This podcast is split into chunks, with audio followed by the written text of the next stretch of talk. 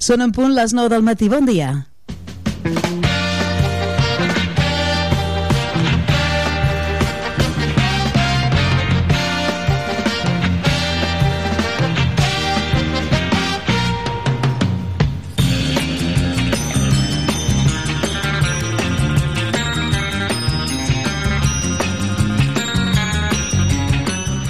Molt bon dia, us saludem una jornada més donant inici al Mercat d'Estiu, aquest programa que durant l'estiu us acompanyarà amb continguts fresquets, sobretot d'actualitat, i també repescant alguna que altra entrevista o espai que haguem fet durant la temporada.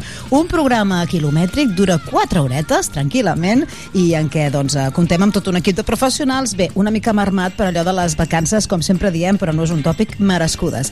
Qui sí que està al peu del canó és el Joan Maria Bertran, que el tenim a la part tècnica, a la producció Joan Andreu Pérez, Pérez, també hi ha ganes eh, d'anar a prendre el sol. Pep Sunyer i Miquel González ja gaudeixen almenys aquesta setmana d'una mica més de tranquil·litat fora dels micròfons, però ens ajuden la producció i uh, us parla Núria Cartanyà davant del micròfon. Des d'ara i ben bé fins la una del migdia si anem uh, sumant i aglutinant continguts. Continguts que ara mateix us expliquem en forma de sumari.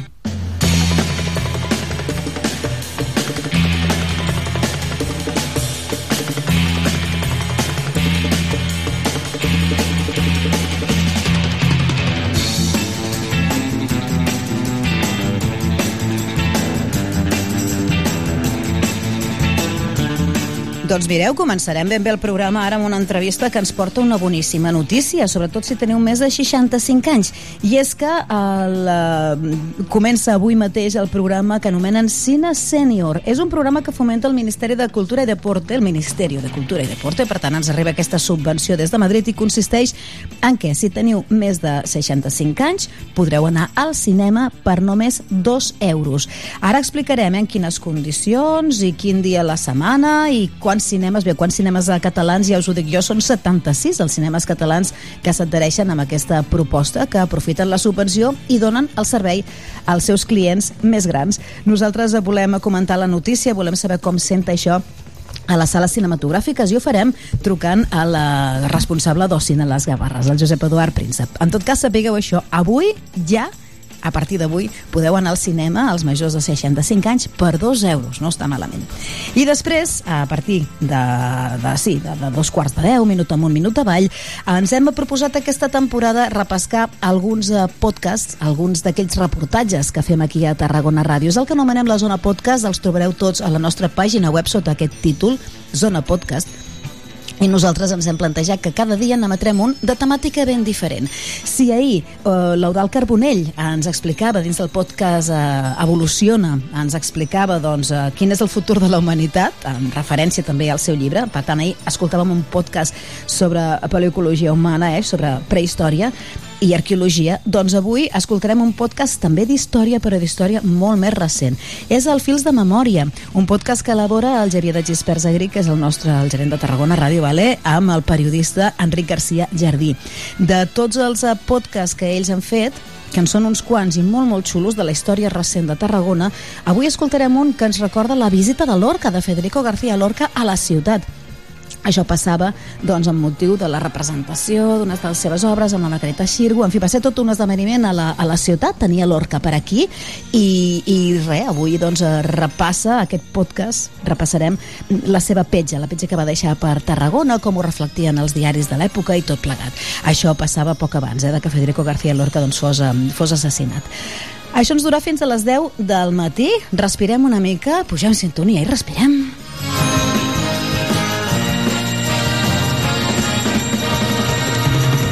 després, després, a partir de les 10, volem un toc fresquet igual que ahir. Cada dia recuperarem algunes de les millors entrevistes del programa més mariner de Tarragona Ràdio i de Catalunya, la Ran de Mar. És de Catalunya perquè el fem amb la xarxa. El que passa és que el coordinem des de Tarragona Ràdio i ens el sentim molt nostre. Uh, un programa que condueix, produeix, lidera, coordina el nostre company Fran Richard i en què fa entrevistes interessantíssimes. A vegades ell des de Tarragona i a vegades alguna, algun company, no?, des d'una altra emissora de Catalunya. Per cert, la Randa Mar està en la darrera setmana aquesta, eh? és un programa que podeu escoltar de 4 a 6, que se sent per tot Catalunya i que us aportarà aquesta celebró marina a, al vostre dial.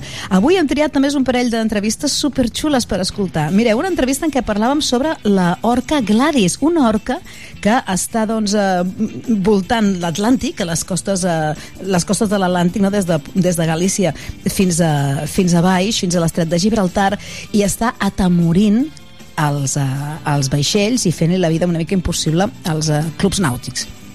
Per què? Doncs perquè l'orca Gladys es dedica a, a, a atacar o a braonar-se damunt dels vaixells, de les embarcacions, però sembla que ha creat tendència no va sola, amb un estol d'orques que la segueixen, no? va com una pandilla, i, i, i clar, és un fenomen bé, que, que posa de manifest la capacitat de, de convocatòria de les orques i que, clar, crea un gran, eh, un gran dubte sobre què, què està passant aquí, no?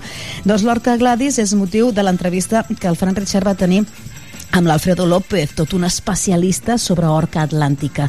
Uh, L'escoltarem a partir de les 10, molt, molt interessant. I arran d'això, doncs hem recuperat també una altra entrevista en què un col·laborador del programa, l'Ignasi Oliva, ens parla sobre els cants de les balenes els sorolls que fan les balenes, els diferents sorolls, què signifiquen, què volen dir, no? Molt, molt interessant avui les, uh, les recuperacions, les repeticions de la Ram de Mar. I després, abans de les 11, encara una altra qüestió d'actualitat. Recordareu, i potser fins i tot ho heu notat, que eh, fa unes setmanes ens donaven la notícia que l'abonament eh, de l'autobús, els abonaments de l'autobús, tant l'urbà com l'interurbà, es mantenen al preu rebaixat, al 50%. Sí, segurament si sou usuaris del bus ja ho sabeu i ja heu agafat la notícia amb moltes ganes perquè la rebaixa havia de durar fins al juny i ara es pot ampliar fins a final d'any. Doncs bé, nosaltres anirem a l'estació d'autobusos per saber com, uh, ho han, uh, com ho han entomat els usuaris, si creuen que és una bona mesura i aprofitarem també per parlar, per fer una mica de radiografia a través dels usuaris, una mena d'enquesta sobre el servei que donen els autobusos urbans de Tarragona. Tot això ens situarà a les 11 i ara ja sí, ràpidament us explico que uh, bé, us explicarem eh, quin és el tema, el tema del dia, el que anomenem els dies mundials de la jornada, que ara els estic mirant... Bueno, n'hi ha uns quants, no és del dia potser que, que n'hi hauria més. Parlarem de nutrició amb la Lola Simón. Avui el tema seran aquestes verdures de temporada, els carabassons i les aubergínies, per exemple ja que la setmana passada parlàvem de tomàquets. Després ens visitarà el president del Col·legi d'Administradors de Finques, el Fabià Huguet, i amb ell, amb aquesta secció mensual que fem amb ells, avui comentarem de què va, com ha canviat això de la llei de l'habitatge.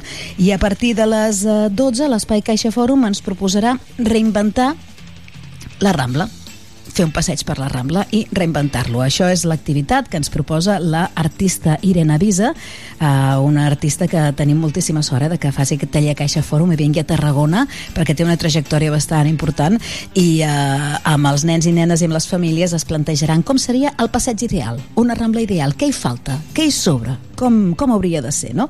Tot això és bé per conceptualitzar una mica el punt artístic i també per repensar l'espai eh, públic. A partir de dos quarts d'una arribarà el tothom avui parlant sobre una nova edició del Mullet per l'esclerosi múltiple va arrencar aquest cap de setmana passat, diumenge, a les piscines municipals, però encara us queda una cita per participar al Mollet, també és una cita molt important. El dia 17, dilluns 17, a la piscina del Nàstic.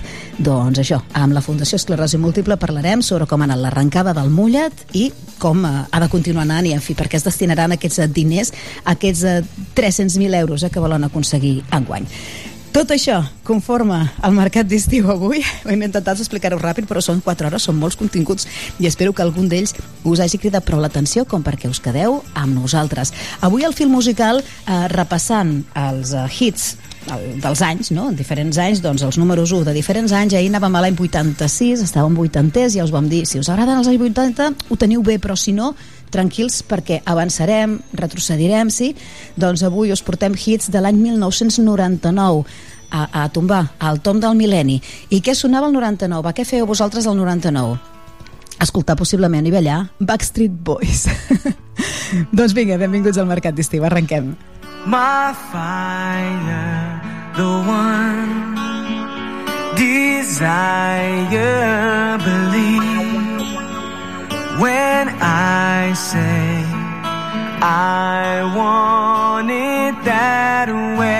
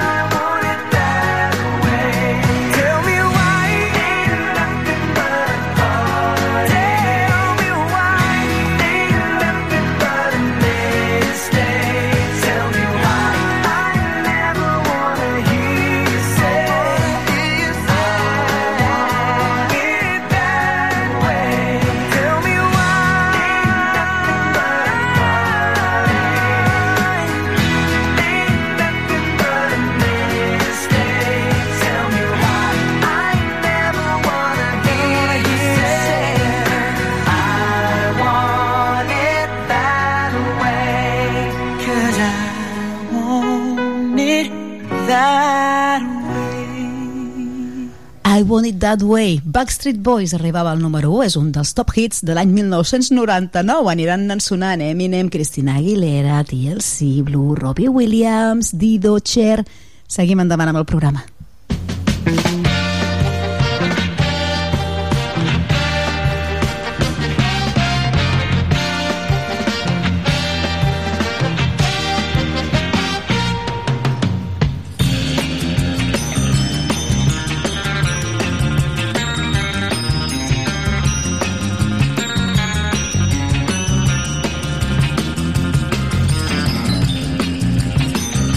I ens agrada aquests dies començar amb una notícia d'actualitat en forma d'entrevista i si pot ser positiva, millor que millor. I aquesta jo crec que ho és, o almenys veurem quina valoració en fan des de la sala cinematogràfica, si la cosa va de cinema. Avui justament entra en funcionament, en vigor, el programa Cine Senior. I ho dic en castellà perquè de fet és un programa que fomenta, patrocina, paga, en definitiva, el Ministeri de Cultura i Deporte.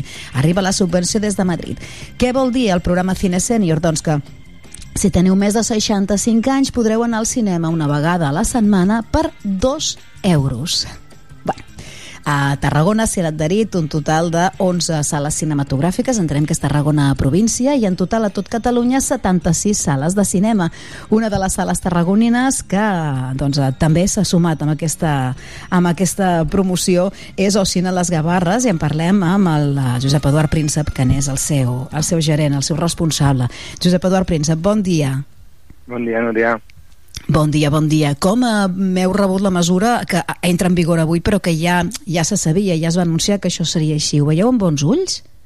Sí, sí, sí, tot el que sigui promocionar que la gent vingui al cinema sempre ho veiem en, en, en positiu.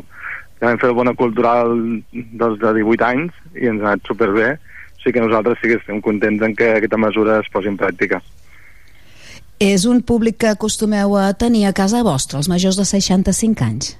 És el públic que ha patit més després del Covid. O sigui, jo crec que és el que ha agafat més por i més reticència i no serà pel cas de les plataformes, no? que a vegades que relaciona plataforma amb quedar-se a casa, no? No és el cas sí. de la gent gran, crec jo. I és el que potser pel tema de ser un espai tancat, perquè, bueno, perquè potser, no perquè potser, perquè ho hem patit més que ningú el tema de la pandèmia, no? És el que malauradament ens van deixar més persones grans que joves, i jo crec que és els que una mica els està costant més tornar, tot i que és veritat que hi ha gent que ha sigut molt fidel i inclús en pandèmia ha sigut, ha sigut ha, ha vingut al cinema, vull dir que no ha sigut un tema per, per deixar de venir, però jo crec que el fet de que incentivin al govern poder vindre els dimarts dos euros, jo crec que ajudarà que molts d'aquestes aquestes persones que potser ja no és la por sinó l'hàbit, el que han perdut, doncs jo crec que ens, ens anirà molt bé per aquest tornin. Mm, Per tant, ja venien, eh? No és agafar un públic que no era propi de les sales de cine, sinó que ja venien i és recuperar-lo. Sí, és, és el que deien. A les estadístiques sortia Sí. sí. que a les franges d'aquestes altes, per això una mica la, la, la promoció o la subvenció de l'estat bé per aquí, perquè les sales més o menys han recuperat el públic familiar, el públic jove, i el públic de major de 60 anys pues, és el que està costant més. Això pot ser perquè això m'enllaça amb, amb el fet de que hi ha una, mm, una oferta per a aquest uh, tipus de públic o a partir d'ara, sent que, que accediran més al cinema, és factible que es creï més oferta amb un tipus de pel·lícules que els puguin agradar més? sempre hem tingut descomptes jubilats, o sigui que la, la, els descomptes hi són i a més a més el, el tema de les pel·lícules és el que diem sempre, també n'hi ha, perquè al final cine es fa per totes les edats. Sí que és potser que el, després de la pandèmia es quedar molts blockbusters acumulats i potser el tipus de cine de blockbuster potser no és tan el que tant li agrada a la gent gran, no? Però sí que és cert que ja fa, des de que van, perquè això fa, primer fan la notícia i després ho apliquen, no? Però ja portem Sí. sí. ja més d'un mes que la gent ens ho pregunta, no? Avui no és, i Clar. encara no. Avui no, que no. O sigui, Ai, sí, la gent ja està al cas, eh? La gent ja té ganes. Sí, sí, home, i tant. Hi ha hagut gent que fins i tot ha marxat. Què és avui? No, ah, doncs ja vindrà quan sigui. Me cago en Déu, i ostres. Sí. Però, Hi havia ganes, doncs. Sí, hi ha ganes, hi ha ganes. És veritat que, per exemple, de la seva bona cultural, no? que al principi va arrencar fluix, però no sabien tampoc la gent, suposo, que ens passava tant als establiments com als joves, no? que no sabien com funcionava res, i va arribar un, un, un moment que va fer velocitat de creuer, no? i ja no ha parat, no? perquè al final, clar, la- els ho han aprofitat molt, això, de venir al cine, no? I, i clar, això crec que es passava el mateix, no? que els dimarts serà un dia important per la gent gran i jo crec que el, que el procés ha de ser aquest, no?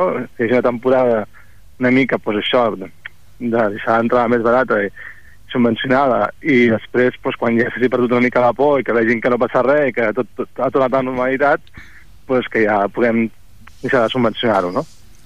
Que sabeu fins a quan durarà aquesta subvenció, us ho han dit? Pues jo Perquè jo tinc el, el, la nota de premsa davant i la veritat no, no acabo de trobar la, que- la data. Sí, eh? és clar, això, com sempre, si funciona i els hi va bé, suposo que ho aniran allargant. No serà per nosaltres que ho traiem, no? Però jo crec que, que al final dèiem sempre és posar diners, diners, diners, i això suposo que el tema de les eleccions decidirà molt què passa. Jo suposo que depèn de qui guanyi, hi ha canvi de color o no hi ha canvi de color, doncs llavors el que ha fet un potser l'altre traurà o continuarà, això tampoc ho sabem. Però fins setembre segur que estarà. Val, val Sí, disfrutar-ho, doncs, a, l'estiu, que nosaltres també, clar, a l'estiu nosaltres, per exemple, és la temporada alta, nosaltres, aquí a Gavarra.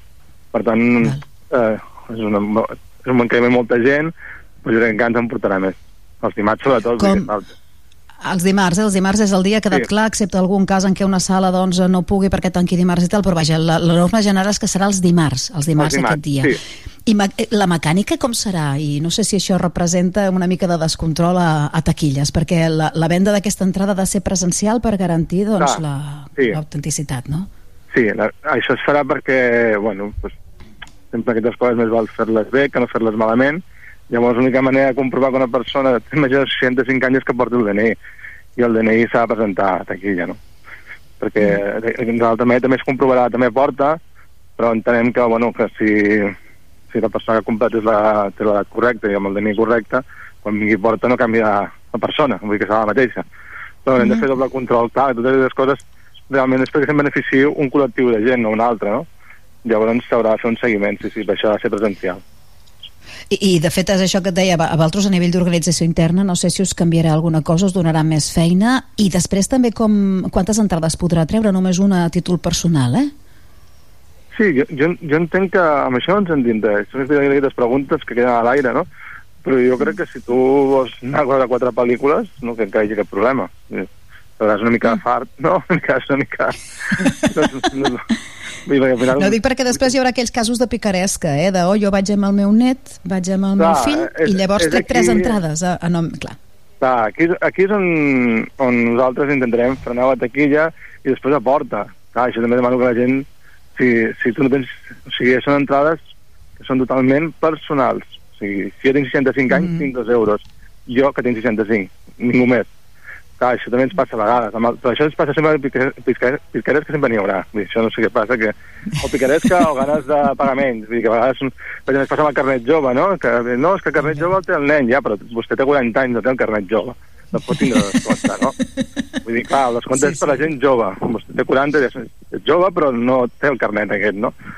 Um, ens passa, no? Vull dir que això és una cosa, malauradament, que no es pot frenar, però sí que en aquest cas, que és tan, un preu tan, bueno, tan barat o no, uh, intentarem fer un control perquè no existeixi aquesta picaresca i, i que al final qui realment ho gaudeixi és qui entra a la promoció. Molt bé. Seran dos euros, doncs, els dimarts per la, els majors de 65 anys amb accés a qualsevol de les sales, eh? Sí, i, a- i a totes les pel·lícules. O sigui, no hi haurà Molt bé. suplement. O sigui, Molt per bé. tenim Almos, tenim butaques Premium ara. Tot Ara, que... ara sí, és que això t'anava a preguntar. Què és això de les butaques premium? Butaques Premium doncs, són les reclinables, són aquestes que són mecàniques, que és com un sofà de casa, directament. Molt bé. Llavors tu vas allí... És novetat, no? Novetat d'aquest sí, estiu, és no? novetat d'aquest estiu, sí, sí. A la sala 2 i a la sala 11. És, és, és novetat i, bueno, a veure, estem molt contents. Molt bé, doncs mira, hi ha, hi ha més, més incentius, més al·licients encara per, per anar-hi. Sí, sí, perquè- uh, Josep Eduard, si anem aquest cap de setmana al cine, què trobarem? Perquè em sembla que preestreneu a mitja setmana, no?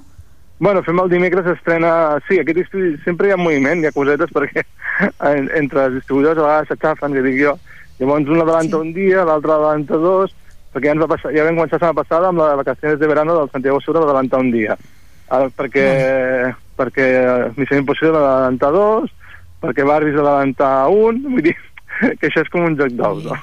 Llavors a l'estiu ens passem pel mateix que s'adelanten les pel·lícules, llavors, clar, aquesta setmana tenim doble programació. Estem dimecres, estem la de Missió Impossible, que té molt bona pinta, i ens han dit que, que és boníssima, bueno, que tothom ne parla superbé, que és el Sí. Tom Cruise, que sembla encara tingui 20 anys, i no els té, en té uns quants més.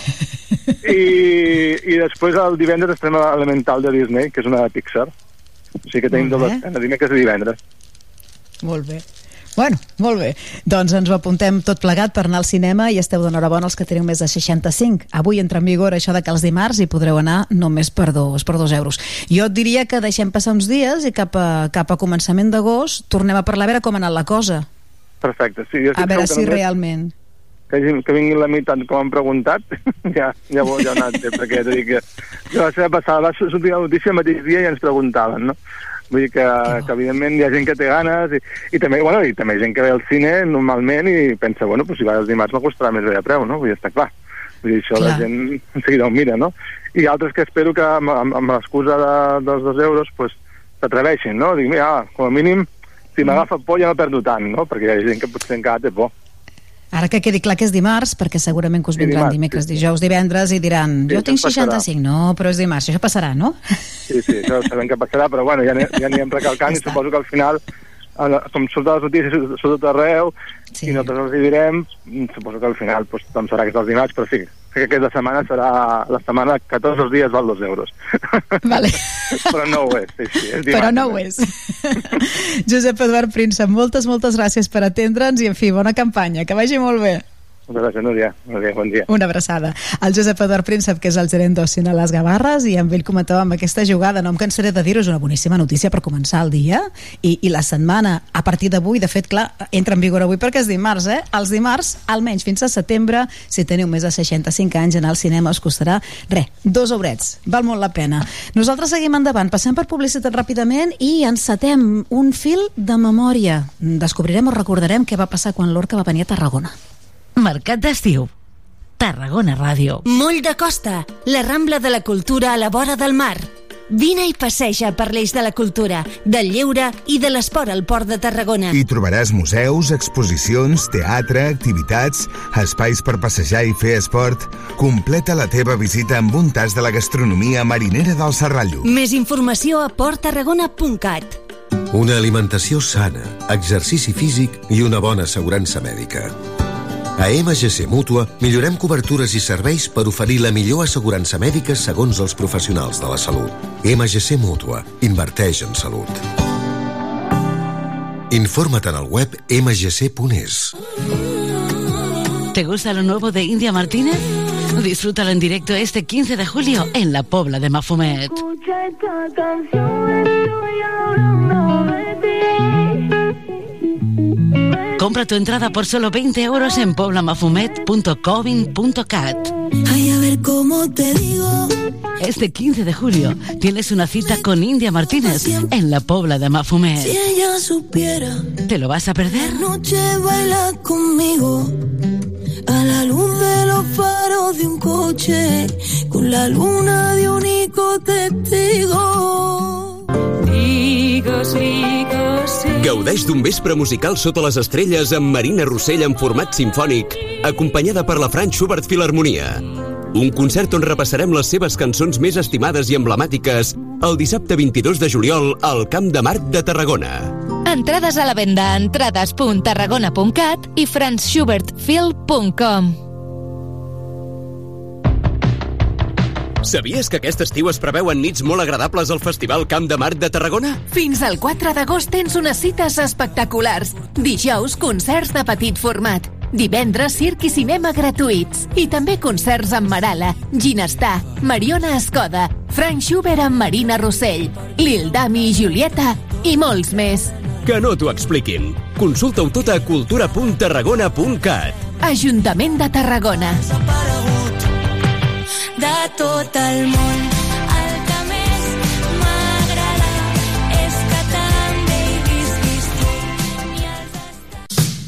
Saps què és Ematsa Online?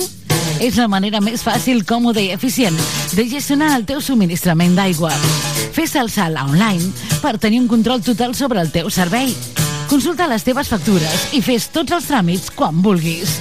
Rep avisos de les incidències del servei per SMS i si tens telemesura, pots consultar el teu consum i personalitzar alarmes per controlar-lo.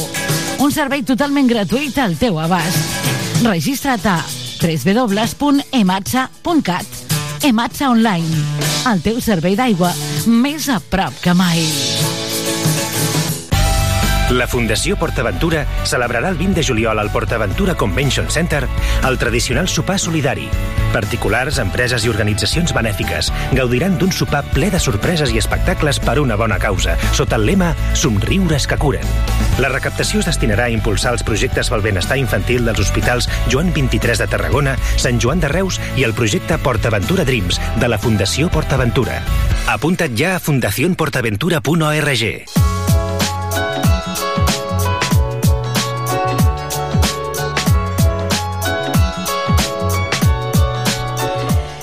Ara falten un parell de minuts per arribar a dos quarts de deu del matí. Molt bon dia, si acabeu d'incorporar-vos a la sintonia de Tarragona Ràdio. Acabem de començar amb una bona notícia, aquesta proposta de que els dimarts al cinema costi només dos euros per a les persones majors de 65 anys. Sí, avui, avui entra en vigor ja. I ara continuem amb altres històries, històries com les que ens porten els programes, els podcasts que Tarragona Ràdio elabora i que tenim penjats a la pàgina web i a les plataformes com Spotify.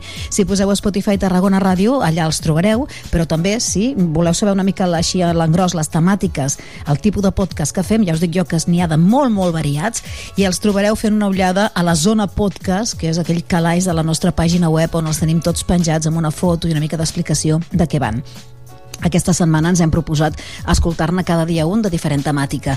Ahir, per exemple, escoltàvem l'Evolució, el que fem amb eh, l'Institut de Psicologia Humana i Evolució Social, i justament entrevistàvem l'Eudala Carbonell al voltant del futur de la humanitat, no? parlant de prehistòria, doncs ens n'anàvem cap, a, cap al futur de l'ésser humà podcast sobre prehistòria, podcast eh, sobre història moderna. És el que us proposem avui. És el Fils de Memòria.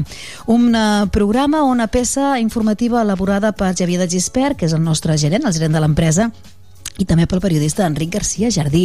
És una recuperació d'aquells punts de la memòria de la història més recent, eh, vinculada sempre a Tarragona, però que a vegades esdevé doncs, eh, història a nivell, a nivell més ampli. La d'avui sí, la que hem triat per recuperar avui, sí que està molt basada en, uh, en Tarragona. I és que recorda, refà, la visita de Federico García Lorca a la ciutat.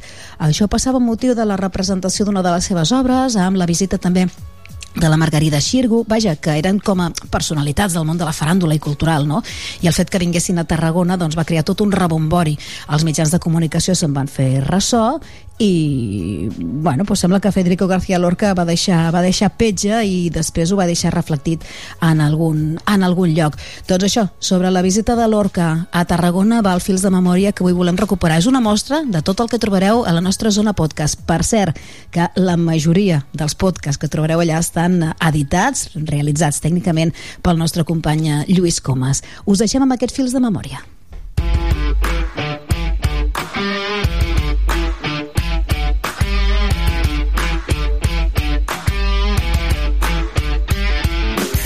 Fils de memòria, un podcast de Tarragona Ràdio amb Xavier Gispert Agrí, Enric Garcia Jardí i Lluís Comas Cartanyà. Amb la col·laboració de la Comissió de Programes de Memòria i l'Arxiu Històric Municipal de Tarragona.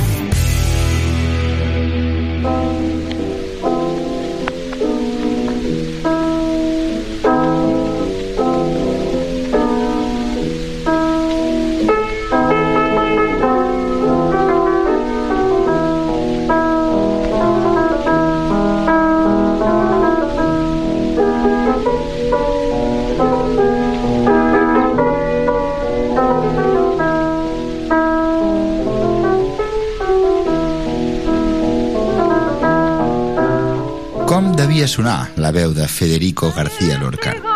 Com cantava el poeta? En aquesta nana de Sevilla, a que acabem de sentir, Lorca interpreta el piano acompanyant la Argentinita.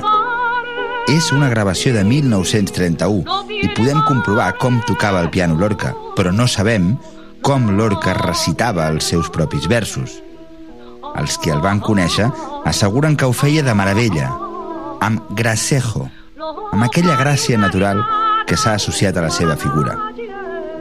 Una figura apassionada, d'una creativitat artística desbordant, una figura controvertida, valenta, compromesa amb les seves idees fins a les últimes conseqüències.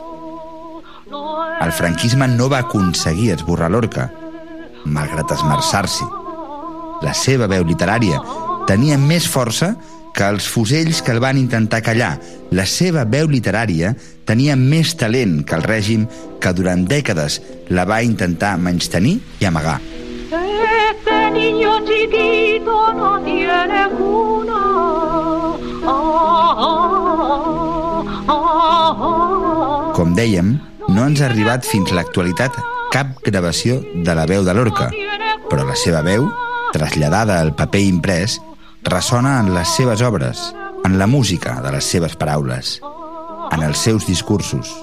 En aquest Fils de Memòria viatjarem fins a la Tarragona de l'any 1935 i ho farem perquè Federico García Lorca va visitar la nostra ciutat mesos abans de morir assassinat a mans dels sublevats. Lorca va deixar la seva inconfusible empremta a la ciutat. La veu de Lorca va parlar de Tarragona. Pur Lorca. Roma pura. Sigueu benvinguts, sigueu benvingudes a un nou capítol de Fils de Memòria. Fils de memòria. Un podcast de Tarragona Ràdio. Quiero dormir un rato. Un rato. Un minuto. Un siglo. Pero que todos sepan que no he muerto.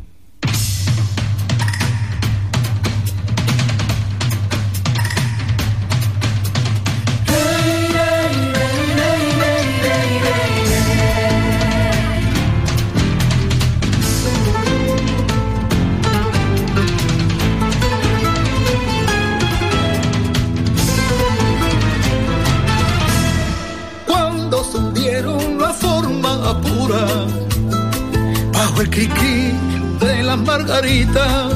Comprendí que me habían asesinado. Recorrieron los cafés y los cementerios. Y, y- y la iglesia. Abrieron los toneles y armarios. Destrozaron tres esqueletos para arrancar sus dientes de oro. Ya no me encontraron, me encontraron, no, no, no me encontraron, no, no me encontraron, no, no, no me encontraron. 13 de novembre de 1935. Federico García Lorca torna a Tarragona amb motiu de l'estrena de La Dama Boba, el clàssic de Lope de Vega al Saló Modern, i actua Margarida Xirgo, i Lorca no s'ho vol perdre. Ella ha estat el responsable de l'adaptació teatral i del muntatge de l'obra.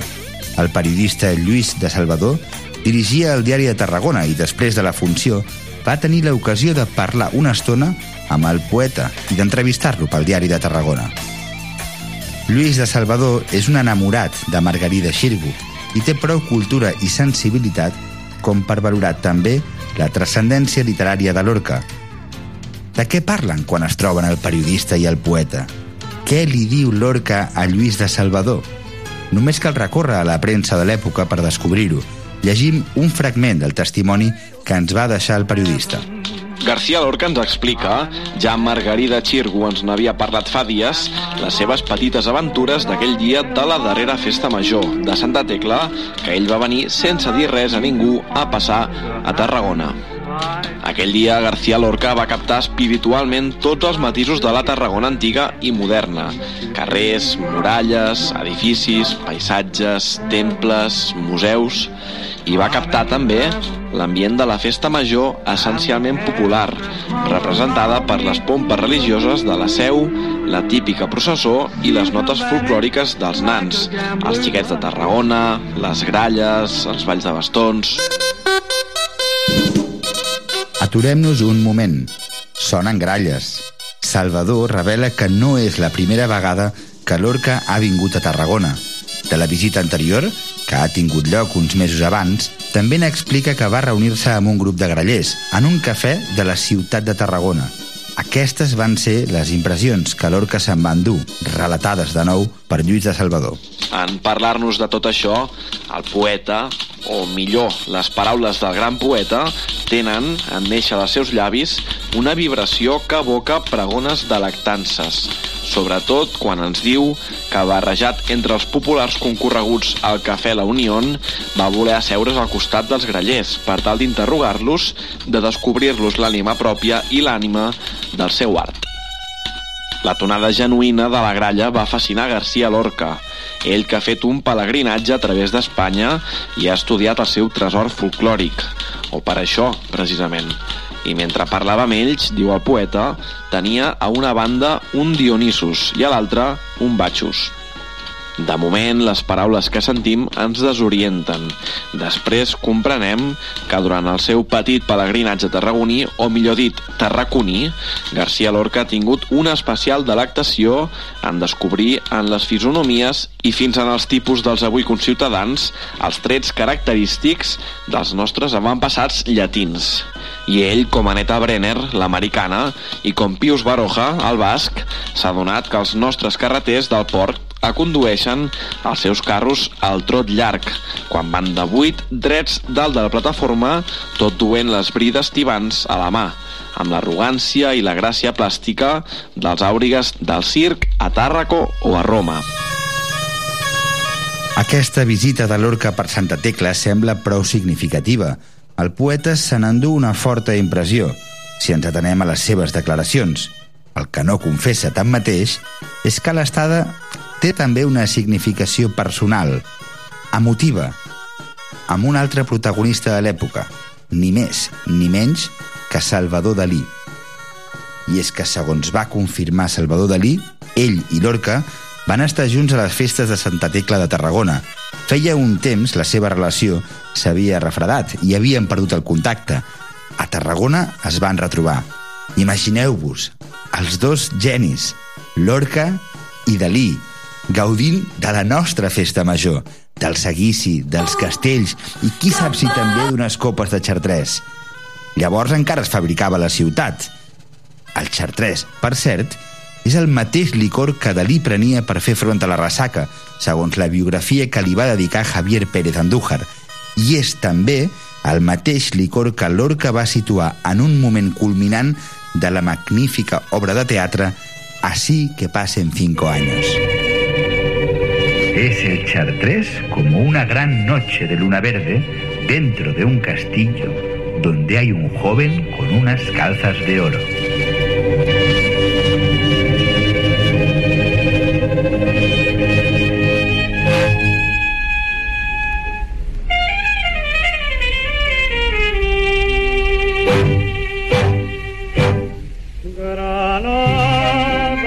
Deixem embriagar per les begudes espirituoses. Hem de tenir en compte que ni les festes de Santa Tecla del primer terç del segle XX eren com les actuals, ni tampoc la ciutat mostrava la mateixa fesomia. El responsable de la Comissió de Programes de Memòria i director de l'arxiu, Jordi Piqué, ens posa en situació. Tarragona era una ciutat petita, d'uns, eh, no arribava als 35.000 habitants, amb una estructura econòmica subdesenvolupada, tenia molt poca presència industrial, la tabacalera, que serà la fàbrica emblemàtica de la ciutat durant les dècades posteriors, començarà arrencar la seva producció l'any 1932, però ho farà molt per sota de la seva potencialitat, només amb una plantilla de 30 i pico operàries, és a dir, molt per sota del que podia donar de si i, i que és el que donarà de si després més endavant. També hi havia la factoria de la Camsa, però eh, fora d'aquestes dues grans, eh, la factoria de la Camsa i la tabacalera que començaran a, amb això als inicis dels anys 30 la presència industrial era gairebé raquítica només hi havia petits tallers que sobretot el que feien era cobrir la pròpia demanda local que podia sortir. Tallers mecànics, eh, tallers de sabateria, tallers de boters, però era la, la demanda local. El que sí que era important era tot el, el comerç que giravoltava al voltant de, del port de Tarragona i això sí que era un nucli generador econòmic important.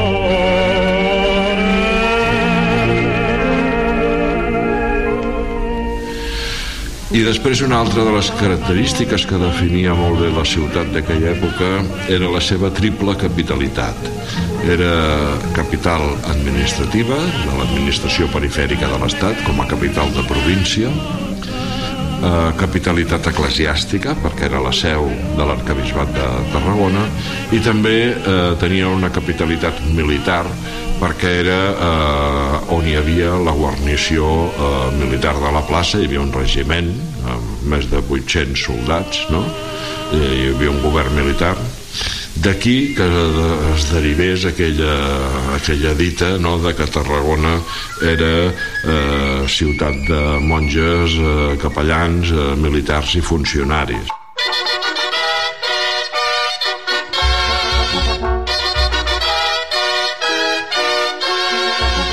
Les notícies compilades per la Biblioteca Hemeroteca Municipal de Tarragona també contribueixen a comprendre millor com era la Tarragona de l'època.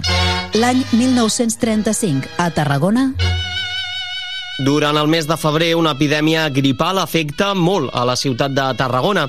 Es donen instruccions sanitàries i degut al gran nombre de malalts que hi ha, se suspèn alguna festa com el Ball Club Nàutic. Molts presoners de les insurreccions que van tenir lloc entre octubre de 1934 i gener de 1935 estaven reclusos al vaixell Manuel Arnús. Finalment són traslladats a Pilats, al centre penitenciari que s'allotjava a l'actual Torre del Pretori i que feia funcions de presó provincial. La direcció de l'actual diari de Tarragona és sancionada a pagar 500 pessetes per haver utilitzat el concepte alcalde popular diverses vegades en els seus articles. Es considera que aquest terme menysprea l'autoritat local. L'alcalde era Pere Lloret, per sufragi popular. La premsa, ja en aquell moment, parla de l'abandonament del sanatori de la Sabinosa. Al diari també es publiquen notícies relacionades amb el mal estat del Columbari, el parc zoològic que hi havia al passeig Pi i Maragall. El líder republicà Manuel Azaña visita Tarragona el 4 de juny de 1935. Un any després es convertiria en el darrer president de la Segona República Espanyola. Té lloc a Tarragona la primera assemblea pesquera de la Mediterrània en què es demana la veda absoluta durant tres mesos. El 13 de setembre és recordat per un nou desbordament del riu Francolí. Quatre anys abans, el desbordament del riu havia provocat escenes de pànic a la ciutat, amb sis morts, dos desapareguts i grans destrosses al carrer. Jordi Piqué remarca el context social i polític des d'un plan més general. Hem de tenir en compte que quan l'Orca ve a Tarragona, la repressió dels fets d'octubre de 1934 encara és viva i la tensió entre els partidaris i els detractors de la República continua en augment. Mi niña se fue a la mar a contar olas y China, pero se encontró de pronto río de Sevilla, con el río de Sevilla. Som a pocs mesos del cop d'estat militar, que desembocarà en la denominada Guerra Civil Espanyola, amb un desenllaç fatal, tant per l'Orca com pel país. Els fets d'octubre del 34 tindran la seva repercussió aquí a la ciutat perquè doncs, l'alcalde Pere Lloret, per fidelitat al president de la Generalitat, també sortirà al balcó de l'Ajuntament i llegirà el manifest, però acte seguit trucarà al comandant militar perquè el vagi a detenir. En aquest moment que Federico García Lorca arriba a Tarragona, ens trobem que en els vaixells del port, els vaixells utilitzats com a presó al port de Tarragona, hi haurà tot l'Ajuntament republicà, més molts altres ajuntaments de les comarques tarragonines i molts republicans destacats estan tancats en aquell moment en els vaixells presó. En total són 900 empresonats eh, com a resultes de la repressió que hi haurà després dels fets d'octubre del 1934. El lagarto está llorando, la lagarta está llorando, el lagarto y la lagarta con delantaditos blancos. No és d'estranyar que davant d'aquestes circumstàncies ja aixequés Polseguera la representació de Yermà a Tarragona l'octubre de 1935, protagonitzada també per Margarida Xirgo. La trilogia femenina de Lorca, protagonitzada per dones, devia fer enrabiar els sectors més conservadors, tal com reflecteix el diari de Tarragona amb una anècdota, en una secció anomenada A remarcar. L'anècdota deia així. A remarcar que un senyor foraster, lector de ABC i Informaciones, exterioritzava en veu alta a la plataforma de l'autobús, tot parlant amb un amic, el seu disgust per l'actuació de Margarida Xirgo a Tarragona i per la representació de Yerma, que amb accents de gran amargor deia que l'empresa del teatre on la Xirgo havia d'actuar mereixia les censures de todo buen patriota i que ell mateix procuraria que els veritables espanyols, volia dir els feixistes, de Tarragona tomasen una sèria determinació.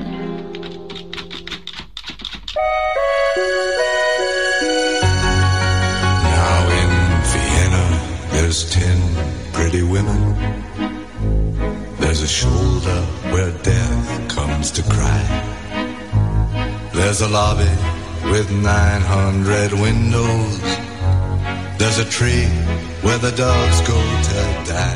Un mes més tard, al novembre de 1935, Lorca es desplaça a Tarragona per raons estrictament professionals. La dama boba és un èxit, però l'article de Lluís de Salvador, a banda de lluar les virtuts de la representació, se centra en la mirada del poeta sobre la seva estada a la ciutat i podem comprovar com Lorca s'enamora, entre d'altres, del mèdul i del passeig arqueològic.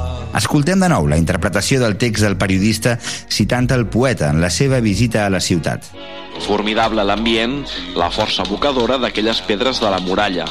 Allò és Roma pura, ens diu, i cap complement millor que aquells xiprers encisadors.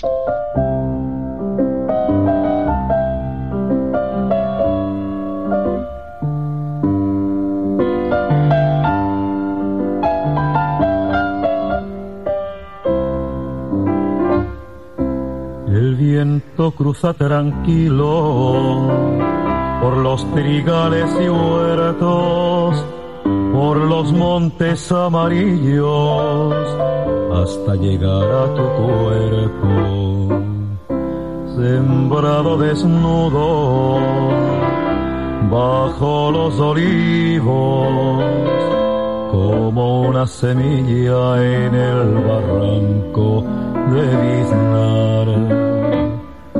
Crecen rosas en tus cuencas ya vacías y asoman pequeñas violetas por la boca abierta del último suspiro. Y los pies inmóviles y las manos quietas gritan desesperados porque llevan cuarenta años muertos, porque llegó inexplicable, sin aviso previo, brutal y enfurecida, prendida en las balas, penetró en tu cuerpo y se llevó en un instante tu gracia y tu perfume. Un dels tarragonins que ha estudiat més a fons la visita de Lorca a Tarragona és el pintor Josep Maria Rosselló, a qui acabem de sentir en una magnífica gravació remasteritzada que hem pogut recuperar.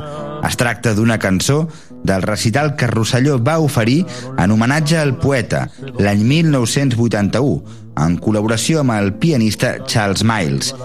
I és que la trajectòria de Rosselló ha estat influïda per la figura de Lorca des dels seus inicis. La seva primera exposició a Barcelona, el 1971, la va dedicar a Lorca, amb el dictador encara viu i signant sentències de mort. A la porta de l'Ateneu barcelonès, el dia de la inauguració de l'exposició, hi havia dos guàrdies civils controlant-ne l'accés pel rebombori causat, com si fos un poema del romancero gitano, com si Lorca ho hagués previst així des de la posteritat. Lorca en estat pur.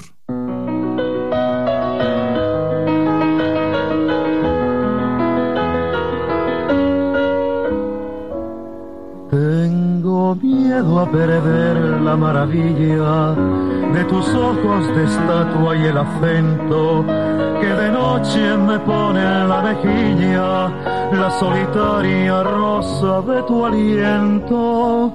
Tengo pena de ser en esta orilla, tronco sin ramas y lo que más siento es no tener la flor pulpa o arcilla para el gusano de mi sufrimiento. Després de l'exposició i del recital, Lorca ha seguit planant en els pensaments de Rosselló. Fa uns anys, l'historiador Jordi Rovira Soriano va encoratjar-lo perquè escrivís un llibre sobre la visita de Lorca a la ciutat. L'obra es va publicar a Silva Editorial i porta per títol Lorca, la incògnita visita. A banda de parlar amb una prosa exquisida de la relació entre Lorca i Tarragona, Rosselló també explora les relacions entre poesia i pintura. La poesia i la pintura estan molt a prop. O dibuix, si es vol. Més que la pintura és més racional. La, la poesia, a més, es pot entendre si és directa, primer, i racional, després. Vull dir, racional abans, no. No.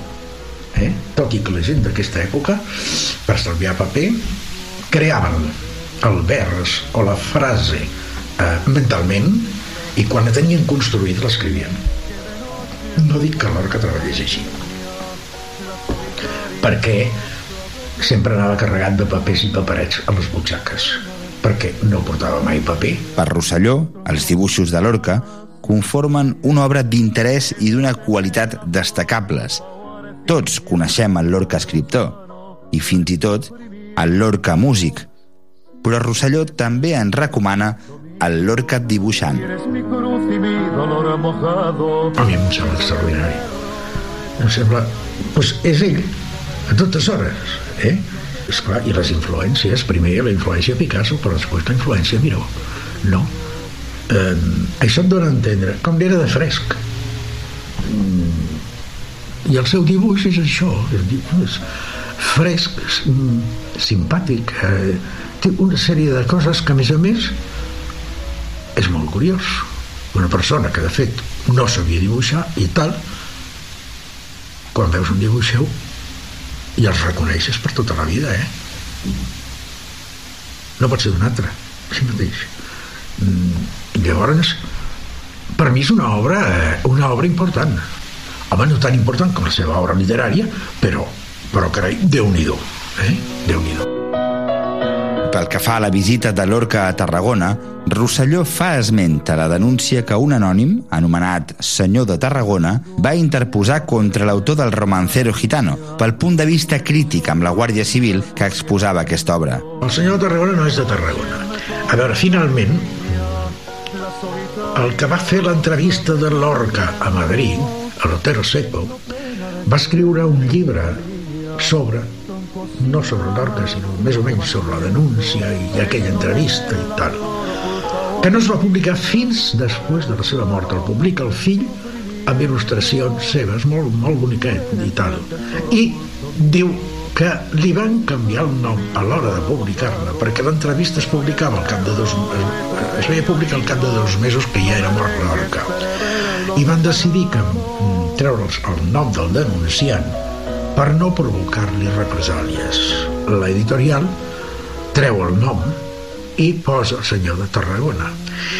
Imagino perquè havia arribat a Madrid l'enrenou que hi va haver una llerma a Tarragona. I em quedo la part fresca de Lorca. no? I llavors sí que era espontani, constantment espontani. Si dins d'aquesta espontaneïtat ell tenia alguna cosa preparada, això no ho sabré mai, no ho sabrà mai ningú. Tronco sin ramas y lo que más siento I també ens explica la possibilitat, fins i tot, que Lorca realitzés algun treball acadèmic sobre el monestir de Poblet.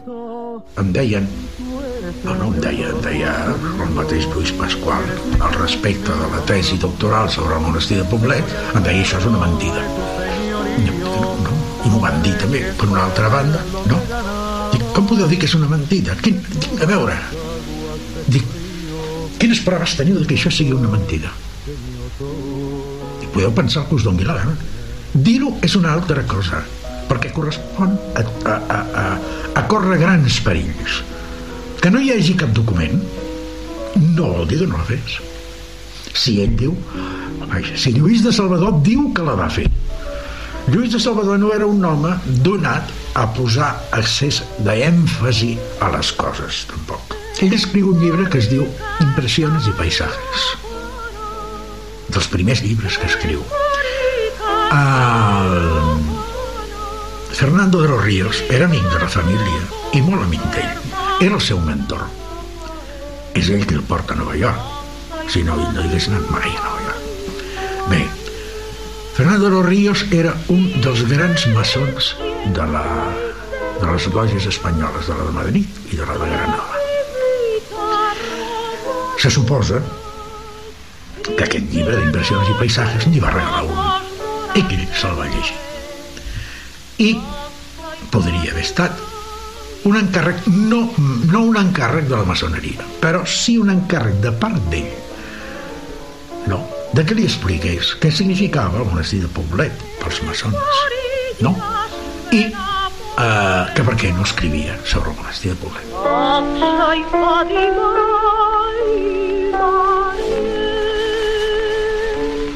Certament, queden moltes incògnites sobre la visita de Lorca a la nostra ciutat i sobre el que s'exposa en les seves reflexions compartides amb Lluís de Salvador. Qui sap si en el futur se'n podran aclarir alguns dubtes, sigui com sigui, i com va dir el mateix Lorca, de la seva visita en podria haver escrit un llibre, perquè la ciutat el va fascinar.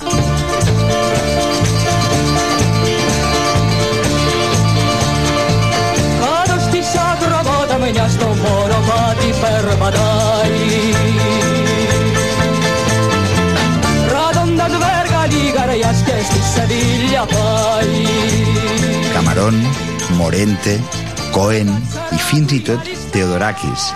Les musicacions de Lorca han recorregut el món sencer en desenes d'idiomes, unides per la universalitat del llenguatge musical. En el camp del teatre, les representacions de les seves obres també es compten a cabassos. Senyal que Lorca continua tocant la fibra i fent reflexionar al públic contemporani.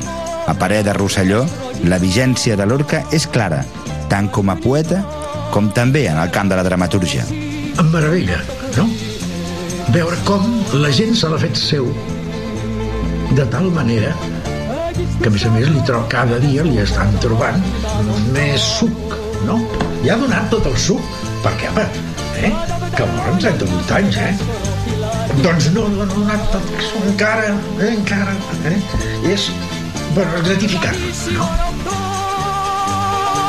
I penso que ell estaria molt satisfet, a pesar de tot. Perquè Tela Marina no estan sols que l'assassinessin, sinó, a més a més, 40 anys d'oblit pràcticament total.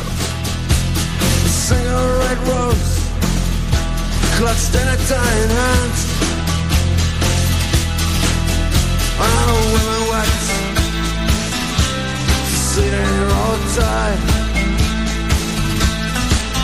And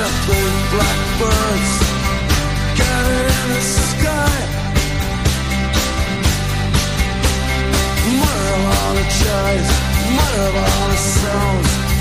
To see tomorrows. Aquesta mateixa pregunta li hem plantejat al director teatral tarragoní, Marc Jornet. Per què Lorca avui?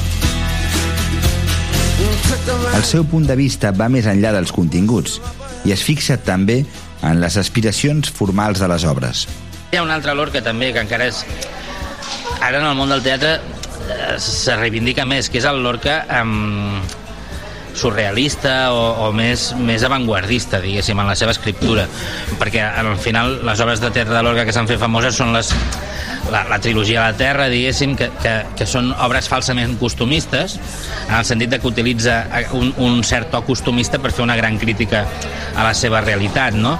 però en el mateix moment que estava fent això estava fent obres de, de gran volada poètica que no tenen res que envejar als expressionistes alemanys o, o a Brecht, estava fent El Público, estava fent eh, Así que passen 5 anys, estava fent La comèdia sin título, que més ara mateix està eh, al CDN, amb una direcció de la Marta Pazos, i vull dir que Lorca és, és, mm, és, un, és una, diguéssim, una personalitat poètica que, que té moltes arestes, que totes les toca molt bé, que moltes d'elles probablement eren tan avantguardistes que en el seu moment no, no tenien sentit i ara tenen sentit i la prova és que s'estan fent muntatges teatrals supercontemporanis per exemple, ara la Marta Pazos està fent una, cosa en escena no he vist, però pel que he llegit està reivindicant cossos no normatius i ho està fent a partir d'un text de Lorca. Al llarg de la seva trajectòria, Marc Jornet ha portat a escena diferents obres de García Lorca.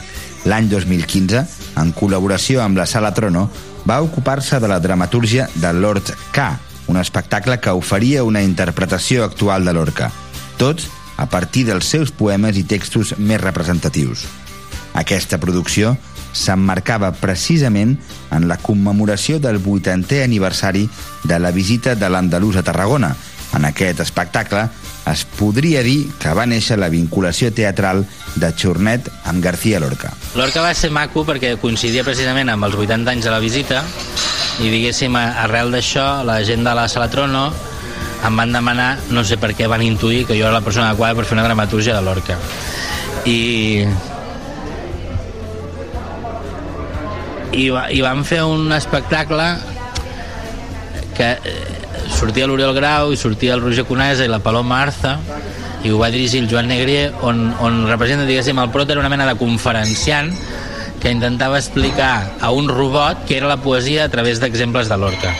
I diguéssim, amb, amb aquest pretext tan senzill es feia un passeig tant pel pensament de Lorca a través de conferències com com, com de la seva poesia com del seu teatre, no? Des d'aleshores, Churnet també ha dirigit i adaptat Yerma, estrenada el 2017 al Teatre Acadèmia de Barcelona, i Bodes de Sangre, estrenada al maig d'enguany a la Mostra de Teatre Infantil i Juvenil d'Igualada. Totes dues amb la companyia Projecte Ingenu. Irma és la gran obra de Lorca, um, penso, de, de llarg, perquè és la que... Um, és la que ajunta com alguns elements molt propis de Lorca. Un, un personatge absolutament reprimit per una cosa que no pot evitar. És a dir, una dona estèril no pot evitar ser estèril. I realment a Lorca això jo crec que està connectat amb la seva homosexualitat en un temps on la homosexualitat no té sentit i la seva condició d'homosexual el fa estèril per definició en, en aquell context no?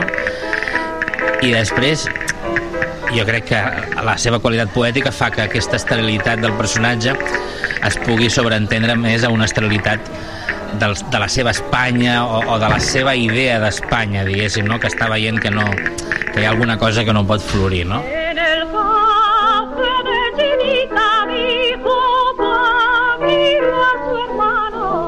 Jo crec que a base de conèixer Lorca m'he enamorat de la figura de Lorca i sobretot del que va significar en aquell context. I per això quan hem fet bodes de sang hem necessitat explicar la vida de Lorca. Que clar, és, una, és, és que clar, és, és apassionant um, no, no Lorca en si sinó a través d'aquestes personalitats que el franquisme no ha aconseguit esborrar intentar entendre què devia ser allò de la república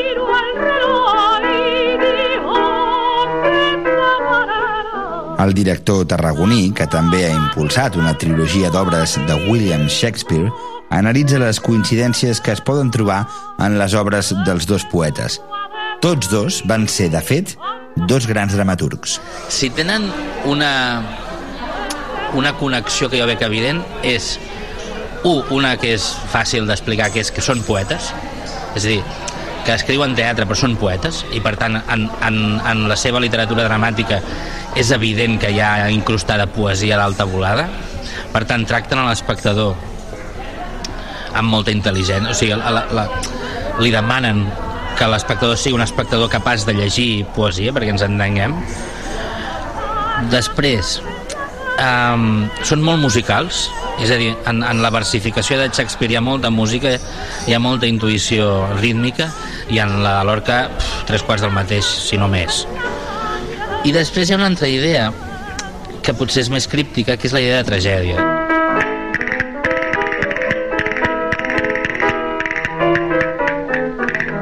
Jornet manté les ganes de fer més obres lurquianes i confessa que en el futur vol que la companyia Projecte Ingenu representi Así que passen cinco años.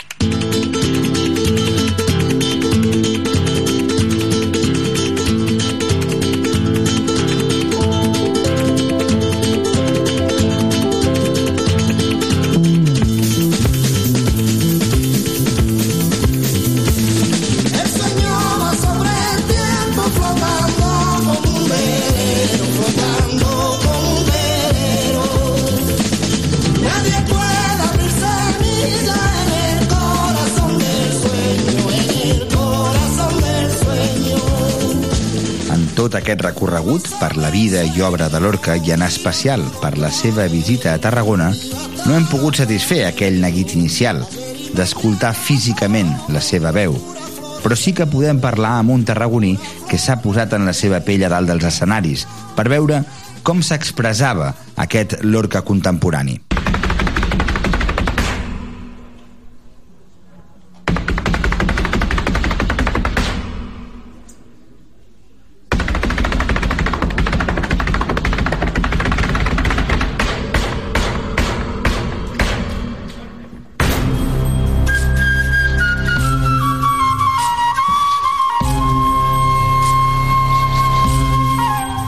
Tracta del bailaor Jesús Blanco, que va néixer al barri del Pilar de Tarragona, on regenta el tablau La Herreria i que va encarnar l'orca en el Bodas de Sangre, dirigit per Marc Jornet.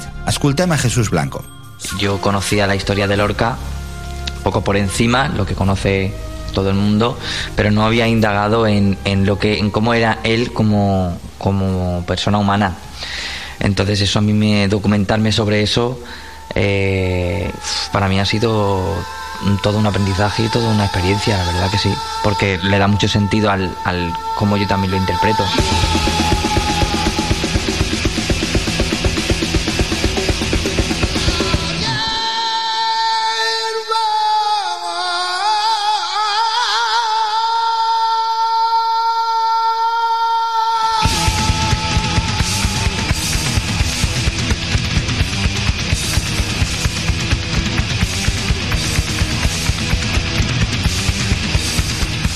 Davant d'un flamenc de cap a peus com Blanco, que s'entrega en cada zapateau, no ens podíem estar de parlar sobre el duende. Lorca tenia duende?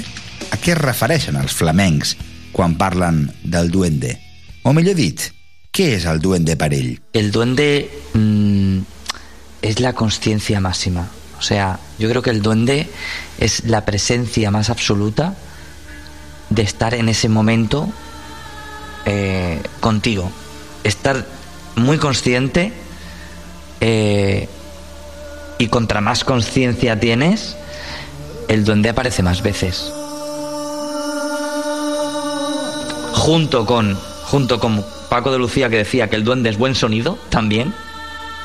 Es que no- igual no solo es una cosa el duende, quizá el duende son muchas cosas, quizá es eso que te estoy diciendo, más eh, tener una calidad eh, en, en tu arte, da igual la disciplina, y luego tener las condiciones, ¿no? O sea, en, en- en- en- mi trabajo, mi profesión, el que tengas un buen sonido, el que tengas en un tablao un buen escenario donde el suelo eh, sea un suelo especial para eso, eh, donde el sonido te envuelva, donde la sala sea una sala, porque eh, se puede tener duende en todo un Palau San Jordi, se puede tener duende, pero claro, de ahí toda la iluminación, fuerza. eh, no, no solamente es una cosa, yo creo, el duende. Pero yo creo que va por ahí.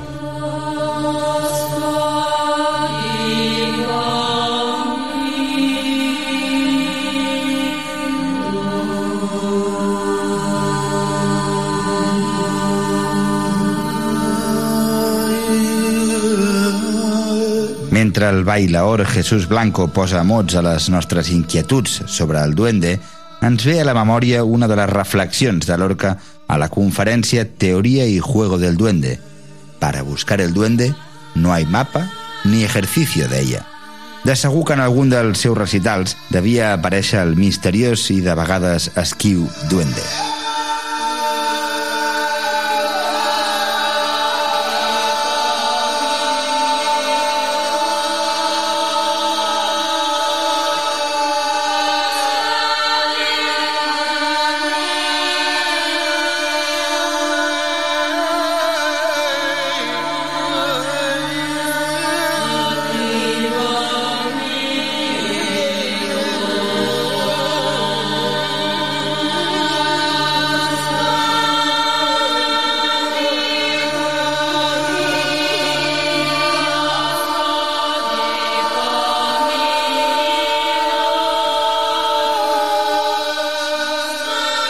Parafrasejant Gabriel Zelaya, podríem sostenir que l'obra de Lorca és una arma carregada de futur. Si més no, el que és evident és que és una arma carregada de present. Una arma armada de paraules contra les noves formes de feixisme, contra l'homofòbia que resisteix violentament a desaparèixer, contra la intolerància, però també una eina carregada de bellesa que ens ajuda a enfundir i pensar en aspectes essencials de la condició humana. En aquest Fils de Memòria hem pogut copsar que Lorca segueix viu a través de la seva obra i hem procurat mostrar com Lorca segueix viu també als carrers de la Tarragona que l'any 1935 el va deixar encisat i que ara el reivindica, entre d'altres, amb la ruta Lorcada. És Roma pura, em va dir ell. Pur Lorca a la Roma pura de la Hispània Citerior, a la nostra estimada ciutat, que dècades després encara el recorda.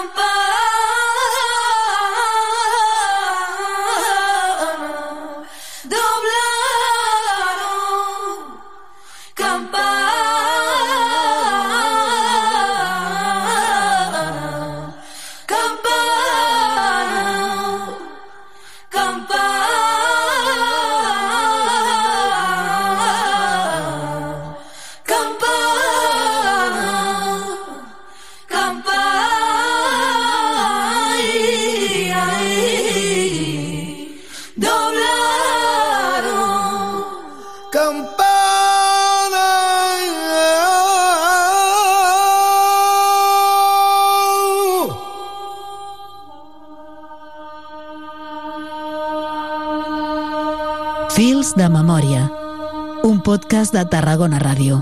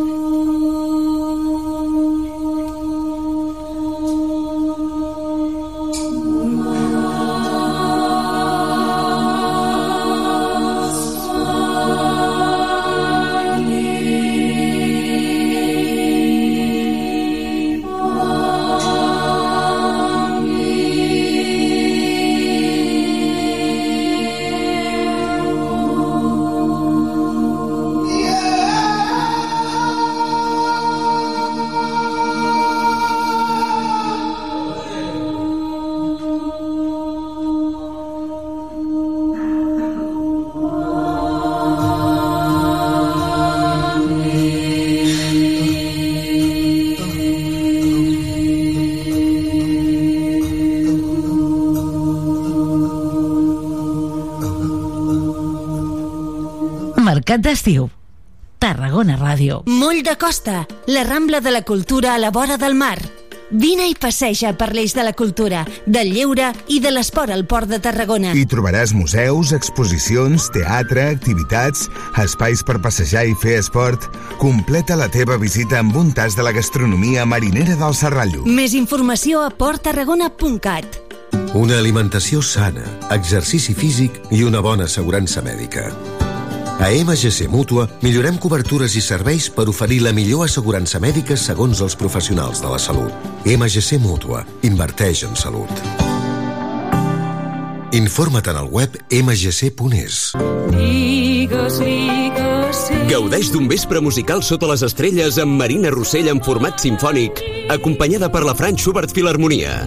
Un concert on repassarem les seves cançons més estimades i emblemàtiques el dissabte 22 de juliol al Camp de Marc de Tarragona. Entrades a la venda a entrades.tarragona.cat i franzschubertfil.com. Sabies que aquest estiu es preveuen nits molt agradables al Festival Camp de Marc de Tarragona? Fins al 4 d'agost tens unes cites espectaculars. Dijous, concerts de petit format. Divendres, circ i cinema gratuïts. I també concerts amb Marala, Ginestar, Mariona Escoda, Frank Schubert amb Marina Rossell, Lil Dami i Julieta i molts més. Que no t'ho expliquin. Consulta-ho tot a cultura.tarragona.cat. Ajuntament de Tarragona. de tot el món.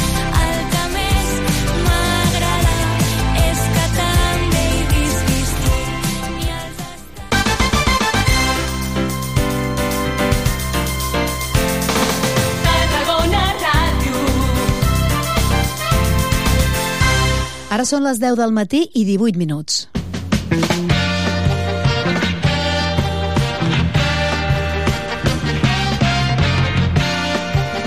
Seguim endavant amb el programa després de recuperar aquest fils de memòria en què parlàvem o rememoràvem la visita de Federico García Lorca a Tarragona.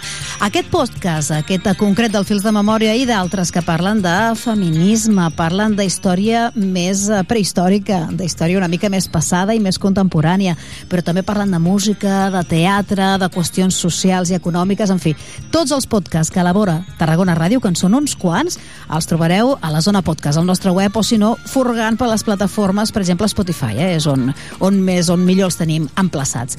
Cada dia nosaltres en recuperarem un de temàtica diferent. Però ara hem de seguir endavant amb el programa, amb altres continguts que ens ocuparan ben bé fins la una del migdia. A veure si me'n recordo de tots. A veure, mira, d'aquí una estoneta marxarem cap a l'estació d'autobusos i preguntarem als usuaris què n'opinen de que els preus de l'abonament de l'autobús s'hagin mantingut. És una, una mesura que anunciaven doncs, ja en el límit eh, a finals de juny, perquè la rebaixa del 50% en els abonaments d'autobús havia de ser només per aquest començament d'any i sembla que sí que es pot eh, mantenir durant la resta de l'any ben bé fins a desembre. Què n'opinen els usuaris i, de fet, eh, com valoren el servei dels autobusos municipals? Això és el que els preguntarem amb aquesta visita, no? amb aquest micròfon en mà a l'estació d'autobusos.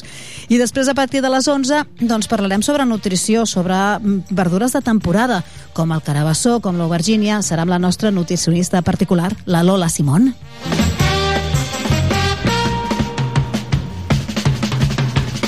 Ens visitaran després des del Col·legi d'Administradors de Finques de Tarragona en aquest espai mensual que fem amb ells per parlar concretament, entre altres coses, però posarem el, el focus en el que és la nova llei d'habitatge i això ens durà fins a les 12 en què ens farem ressò de les activitats d'estiu de Caixa Fòrum Tarragona.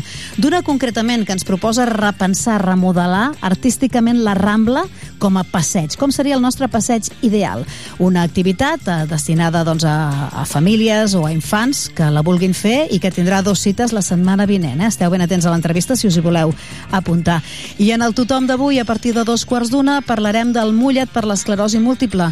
Començava el tret de sortida, era diumenge passat, amb les piscines municipals, però continua eh, ben bé durant mesos. Eh? Un dels punts forts a l'agenda del mullet serà dilluns, dia 17, aquest dilluns, a les instal·lacions nàutiques a la piscina del Nàstic.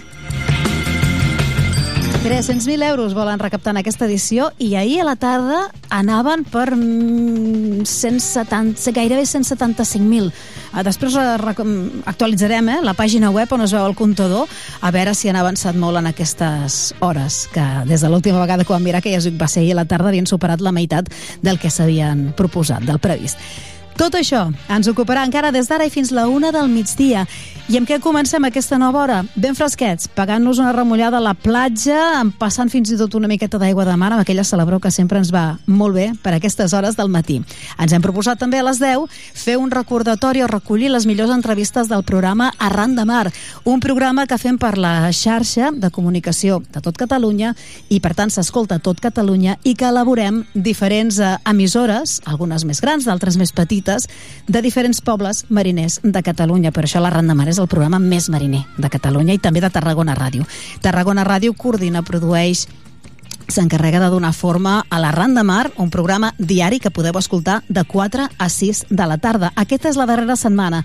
I al capdavant, aquí escoltareu, eh, doncs, conduint-ho tot plegat, és el nostre company Fran Richard. Doncs bé, avui us proposem escoltar una entrevista de l'Arran de Mar en què parlàvem sobre la Gladys. La Gladys és una orca de l'Atlàntic que té revolucionades les embarcacions perquè és que s'hi tira de cap, va, va a muerte contra les embarcacions. Clar, ho dic rient, però és, és un drama, eh, realment. Eh, és una conducta que no és massa habitual en les orques i no només això, sinó que ha, ha creat un grup de, de seguidores, com una tribu d'orques, que, que, que l'acompanyen i al principi només ho feia ella però les altres doncs, han imitat la conducta i ara són un fotimer d'orques, totes en bandada doncs això, llançant-se contra les embarcacions per què funcionen així les orques? Per què li ha passat a la Gladys? Perquè això no és massa normal. Per saber-ne més de les orques, aquí teniu una interessantíssima entrevista amb tot un especialista sobre l'orca atlàntica, conduïda, com dèiem, pel company Fran Richard. Arran de Mar, l'espai radiofònic més marítim de Catalunya.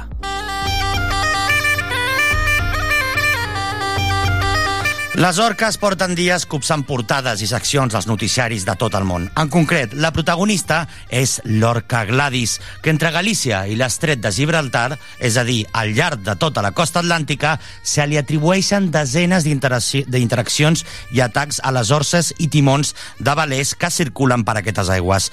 Tres embarcacions s'han enfonsat per l'acció directa de Gladys i és que ella no va sola. Es calcula que 16 orques més estan reproduint el seu comportament i s'han afegit a aquesta revolta delfínida que porta protagonitzant des de fa uns 3 anys. Com éssers humans, què ens diu Gladys? És el símbol de la resistència d'una natura i fauna que està dient prou a la destrucció del seu ecosistema marí? O està responent des de la seva lúcida inconsciència o, perdó, o simplement el que està fent l'orca Gladys són interaccions d'uns animals extremadament intel·ligents? Avui, per parlar de Gladys i el seu comando que està aterroritzant a base de bé a la classe nàutica de la península Ibèrica, tenim a l'Alfredo López, del grup de treball de l'Orca Atlàntica. Buenas tardes, Alfredo. Hola, buenas tardes. Bienvenido a Randemar. Gracias, muchas gracias. Disculpad que no os hable en catalán. No te preocupes, Alfredo. A ver, eh, vamos a empezar con una pregunta muy obvia, ¿no? ¿Por qué Gladys y su grupo están atacando o interactuando con estas embarcaciones? Bueno, eh, en primer lugar, eh, Gladys significa orca que toca barcos. Por tanto que en este momento tenemos eh, 15 identificadas y cada uno tiene su apellido. La Gladys blanca, la Gladys gris, la Gladys negra, etcétera. Eh, no sabemos el motivo exacto, no sabemos el barco número uno eh, y para ello pues elaboramos una serie de hipótesis, dos hipótesis, con la posibilidad de intentar dar explicación a esto. Una hipótesis es que fuesen eh, ejemplares que desarrollaron una actividad au- autoinducida, es decir, que inventan un nuevo comportamiento y lo repiten como si fuera una moda, pero este, esta explicación nos sirve para los ejemplares juveniles, no nos sirve para la adulta, que es la Gladys blanca, que estaba implicada en todo esto ya desde el principio y por tanto que la segunda teoría viene a decir que eh, bueno pues este ejemplar vivió un momento aversivo con una embarcación, en concreto con un barco velero y que intenta eh, de- debido a ese trauma intenta parar la embarcación antes de que le vuelva a pasar algo malo, ¿no? Un poco lo, lo que pensamos. Claro, es lo que, lo que se comenta, ¿no? Un poco lo que, que Gladys sufrió a lo mejor una mala experiencia y pues la ha tomado con, con las embarcaciones, podríamos decir vosotros, eh, desde el grupo de GT Orca Atlántica lleváis años siguiendo a Gladys, ¿no? Explícanos vuestra relación con, con Gladys. Bueno, eh, para nosotros en Galicia, por ejemplo, las orcas eran anecdóticas, las conocíamos, las veíamos pasar, pero una vez al año. Para otras personas que trabajaban en, el estrecho, por ejemplo, pues ya eran algo más corriente, porque allí pues eh, viven una, una parte de, de- del año, ¿no? Desde primavera pues al, al verano. Mm, Entonces, pues lo que ocurrió fue que en, en agosto del 2020 recibimos información de que dos barcos habían sido tocados por las orcas en Galicia. Empezamos a hablar pues con las tripulaciones, a preguntarles qué es lo que había pasado, e indagar también hacia atrás en el tiempo y en el espacio a ver qué había ocurrido. Y descubrimos pues que las interacciones habían empezado un poquito antes, un mes antes en el, en el estrecho, y a partir de ese momento pues continuaron hasta, hasta ahora. Entonces, eh, claro, tenéis registrado que desde el 2020 ya se dan estas interacciones. Pero claro, estas orcas eh, como se mueven por toda la costa atlántica y ahora resulta que se están detectando estas interacciones en el estrecho de Gibraltar. Sí, efectivamente. Eh, su recorrido es que entran en, en el invierno en el norte de África, se dirigen hacia el estrecho de Gibraltar, eh, ahí están hasta el mes de julio aproximadamente, ahí- después se van hacia el oeste y hacia el norte y al llegar a Galicia en el otoño se abren abanico, eh, digamos, para volver al océano y de nuevo entrar al año siguiente en el estrecho de nuevo, ¿no? Ese es un poco el camino que siguen. Claro, y Gladys podríamos decir que es una hembra alfa, ¿no? Eh, y que claro, eh, un grupo de 15 orcas, podríamos decir, más juveniles, están reproduciendo su comportamiento. ¿Cómo se da? ¿Cómo puede ser que Gladys eh, sea un ejemplo para las otras orcas? ¿Cómo se da esta transmisión? Mm, Bueno, la transmisión se da de forma horizontal, es decir, entre iguales. Es decir, eh, si, si ya hay alguna juvenil que haga esto, las otras lo imitan, ¿no? Y eh, se da de forma eh, vertical, ¿no? De adultas a juveniles, pero no se da al revés. Es decir, si el, si el comportamiento fuera en origen autoinducido, no te, se trasladaría nunca a los adultos. Pero en cambio, si el comportamiento eh, en- lo inicia una adulta, es fácil que se traslade a los de abajo, porque siempre va a tener ascendencia sobre alguno. ¿Qué ocurre? Que algunos de los juveniles, si esto fue así, pues eh, aunque lo sigan repitiendo y lo sigan haciendo, igual ya no saben el significado, no saben qué significa, ¿no? Ya, pero Gladys como como empezó el camino, podríamos decir, abrió esta senda, porque, claro, eh, si esto se puede reproducir de se puede reproducir de la adulta a las juveniles, claro, cuando estas juveniles hagan adultas, lo reproducirán y lo reproducirán y no, o sea, eh, esto puede, puede, puede llevar de generación en generación. Este Bueno, comportamiento. ver, eh, es- esto es muy nuevo, digamos, eh, llevamos tres años y ya, ya vamos viendo algunos cambios, algunos para peor y otros para peor, ah, para mejor, ¿no? Y un poco lo que pensamos al principio es que eh, si esto se convierte en una moda, por así decirlo, las modas también son pasajeras y por tanto que podrían eh, ir dejando de, ah, de realizar este comportamiento si su papel cambia en la, en la sociedad, si cambian de roles. Y esto ya lo vimos con una, con otra Gladys, con la Gladys negra, Mm, coincidió que entró herida en el año 2021 en, en el estrecho, pero pensamos que, mm, digamos, su, su reducción de la intensidad y de la frecuencia de sus interacciones o de su participación en las interacciones posiblemente tenga que ver con cambios de roles en el grupo, ¿no? Mm. Y eh, Gladys, ¿qué edad tiene? Pues exactamente no lo sabemos, pero calculamos que tenga alrededor de unos 20 años 20 aproximadamente. años. ¿Cuántos años pueden vivir las orcas? Muchos. Pueden Muchos. vivir 40 o 60 años porque las orcas sobreviven a la menopausia, ¿no? Es de los pocos Mm. animales en el planeta que, que sobreviven, aparte de los humanos, ¿no? Eh, por ejemplo, otros simios, una vez que, le- que llegan a esa fase, pues se mueren. Pero en Mm. cambio, eh, aquel- aquellos animales que que sobrevivimos es porque tenemos un papel en la sociedad, ¿no? Importante. Y en este caso las orcas lo deben tener. Claro, aparte cuando, por ejemplo, eh, eh, hablamos de hablamos de Gladys y de estas interacciones también, eh, pero claro, eh, tres embarcaciones ya se han ido a pique. podi- ¿Habéis podido hablar con la gente que ha sufrido estos ataques? Eh, ¿cómo, ¿Cómo se han desarrollado? ¿Lo hacen en grupo de cuatro o lo hace solo Gladys y después? ¿Cómo se dan estas, estas, estas, estos contactos con las embarcaciones? Sí, a ver, eh, nosotros definimos estos contactos como interacción, es decir, reacción de los animales a presencia de los barcos. Eso significa que todos los cetáceos van a tener interacciones con los barcos, unos huyendo y otros acercándose, ¿no? Y las orcas, por tanto, que ya hacían ese tipo de actividades, es decir, ya, ya interactuaban con las embarcaciones, pero al igual que los delfines, pues aproximándose, compitiendo en velocidad, yendo a la proa, etcétera. La diferencia es que a partir del 2020, pues eh, mantiene un contacto físico, ¿no? Nosotros hablamos con todas las tripulaciones posibles, hablamos con muchas, no con todas, pero intentamos, eh, bueno, pues recoger las- los testimonios de todas ellas, ¿no? Y lo que concluimos es que los animales no mantienen una actitud agresiva, aunque rompan algo, porque claro, mm, lo que hacen es mover las piezas móviles, como en este caso el timón, eh, empujar el, el barco, digamos, con su cuerpo, eh, pero claro, no tienen dedos para agarrar las cosas, ¿no? Sino que las mueven a golpes. Y entonces en esa, en esos contactos es cuando pues rompen algo, ¿no? Claro. Eh, eh, muchas veces pues eh, pueden ir dos ejemplares solamente, un ejemplar solamente, no más de cuatro porque debajo del barco no caben tantos, entonces pues eh, cuantos más ejemplares hay, menos dura la, la interacción. Porque aparte comentamos que ¿Crees que pueden sufrir algún ataque de furtivos ahora estas orcas después de, de, de estos tres años, no? Eh, ¿Creéis que las pueden atacar, que les podrían hacer daño? Eh, y por otra parte, ¿están protegidas estas orcas? Sí, las orcas están en una categoría de protección alta, en España están en categoría de vulnerable, la IUCN nos recomienda que estén consideradas en peligro de extinción, ah, como están en Portugal, ¿no? Eh, y por tanto, pues que están sometidas a una legislación muy restrictiva, ¿no? En cuanto a acercamientos o en cuanto a lo que se puede hacer en su proximidad.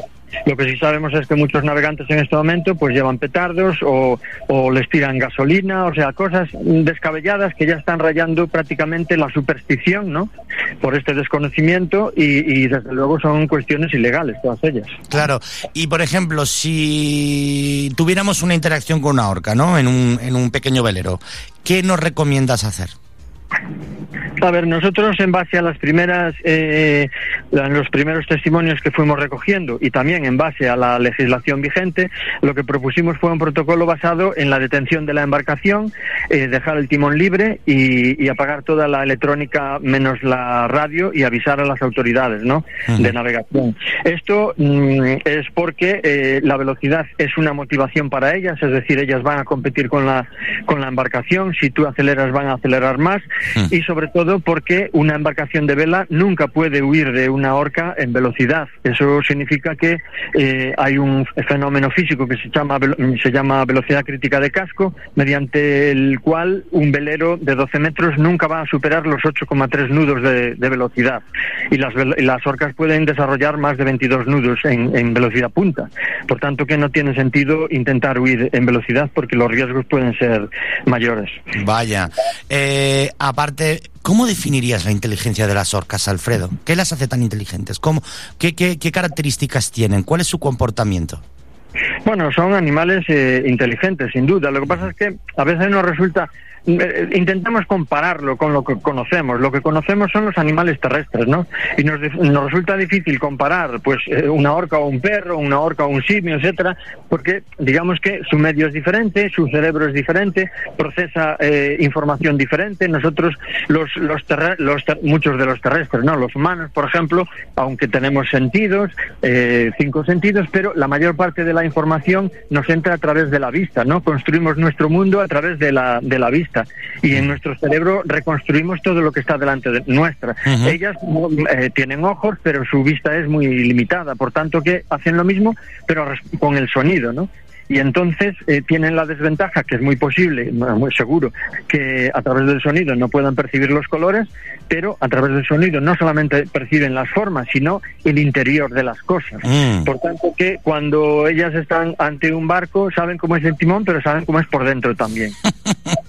increíble, increíble eh, las orcas eh, y lo que nos estás explicando, eh, porque aparte es lo que dices, son, son animales, son animales muy inteligentes eh, y claro, podría ser que toda esta actividad de barcos eh, en la zona del estrecho o también en Galicia interrumpe también su manera de, de- percibir las cosas, como nos dices, ¿no? A través de, a través de los sonidos. ¿Es para ellas un, un sufrimiento eso? Todos los sonidos que hay debajo del mar, mm, yo que sé, de plataformas petrolíferas, de, de petrolíferas, Sí. de marinos mercantes, de barcos, ¿no? ¿Están, in- in- ¿Están siendo un obstáculo para su comunicación? Sin duda, porque, claro, eh, para ellas el mundo es acústico fundamentalmente y el ruido antropogénico, digamos, lo que aumenta es un ruido de fondo basal, ¿no? En el mar, si no hubiera eh, nada artificial, si nos pusiéramos en el medio del mar, pues oiríamos las olas romper, el, eh, digamos, el, eh, las corrientes fluir, eso genera un ruido basal, por así decirlo, ¿no? Igual que si nosotros estamos en el bosque o escuchamos el bosque, tiene un ruido basal, ¿no? Bueno, pues la introducción de elementos artificiales lo que hace es aumentar ese ruido basal, por tanto que digamos que les afecta de una manera eh, de tal manera que mm, ellas, por decirlo así, tendrían que hablar más alto para, para Mm. entenderse normalmente, ¿no? Claro. Pero bueno, en todo caso, eso aún, aún siendo así, no explica para nada el comportamiento que tienen en este momento. ¿eh? Eh, Alfredo López, del, del GT Orca Atlántica, que conoce muy bien a Gladys y a su familia, su pandilla, podríamos decir. Eh, seguramente va a haber noticias este verano, porque claro, cuando más actividad también hay de, de este tipo de embarcaciones, de veleros, de embarcaciones pequeñas. Así que estaremos atentos y nada, un fuerte abrazo a vuestro trabajo y nuestra admiración también a vuestro trabajo y a Gladys también. Muy bien, pues nada, seguir la página web de Orca Atlántica y también se puede descargar la aplicación móvil GT Orcas y Ajá. estaremos informados. una- Muy bien, un saludo para todos los oyentes. Un abrazo, Alfredo, cuídate mucho. Vale, chao.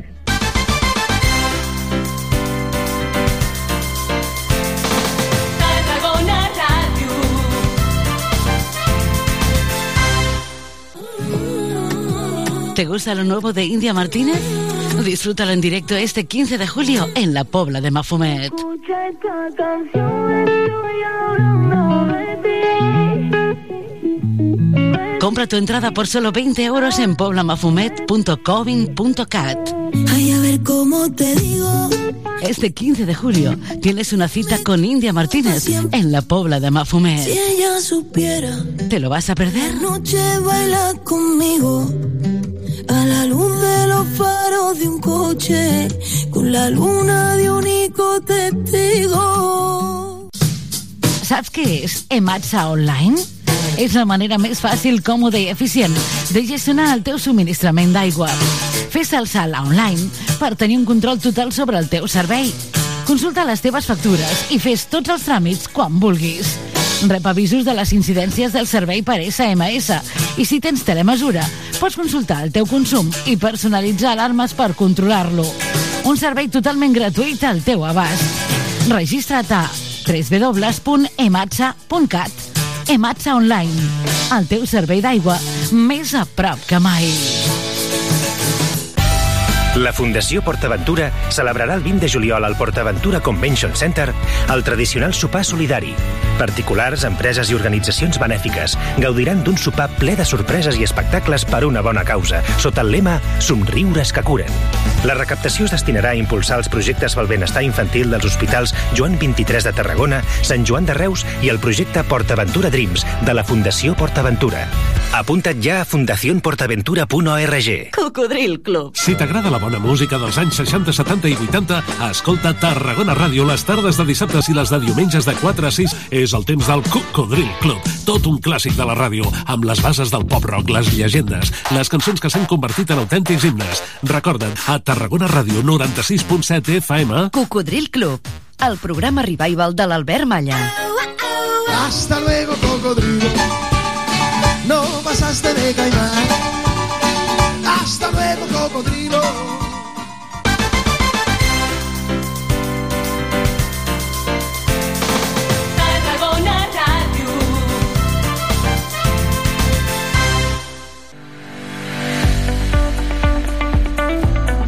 I seguim endavant també recuperant aquests espais, aquestes entrevistes tan xules de la Ran de Mar. Recordeu que si voleu escoltar el programa en directe el fem, però ja només durant aquesta setmana, que s'agafen vacances per anar a la platja o per embarcar-se en algun lloc. Eh? Aquesta setmana encara de 4 a 6 a Ran de Mar, un espai que fem en col·laboració amb la xarxa de comunicació local, però que des d'aquí eh, produïm, coordinem, ho fa el nostre company Fran Richard. No ho fa sol, perquè la coordinació sí que la porta sola, però eh, són, eh, crec que 8 emissores les que participem en total amb aquest programa mariner de Catalunya i això vol dir que té molts col·laboradors. Un d'aquests eh, col·laboradors és, a veure, a veure, que tinc el nom per aquí, que no me'ls conec, que són molts, eh? l'Ignasi Oliva. Doncs bé, com que avui començàvem parlant sobre l'Orca Gladys, ara escoltarem aquesta píndola informativa, no? Aquesta anada de la bola, fins i tot, de l'Ignasi Oliva, explicant què té d'especial i com... eh, Sí, justament, i què vol dir el cant de les balenes. Sí, sí, les balenes, els sorolls que fan. Doncs què signifiquen? Va, que n'escoltarem algun. Mireu que xulo. Molt bona tarda, raneros i arraneres. Avui us proposem una secció molt especial, diferent a les que us hem plantejat. Fins ara ens hem dedicat a surcar els oceans darrere les múltiples corrents culturals que han anat definint els gèneres musicals i la tradició de desenes de pobles. Avui farem una cosa semblant, però no ens referirem a la cultura humana, sinó a la cultura dels mamífers marins, perquè si parlem de músiques de la mar, són les balenes i els dofins qui amenitzen principalment les profunditats oceàniques. Avui, doncs, us proposem un viatge per descobrir el cant de diferents espècies de cetacis, de les impressionants balenes blaves fins als juganers dofins. Explorarem les seves característiques úniques. Preparats per un viatge fascinant?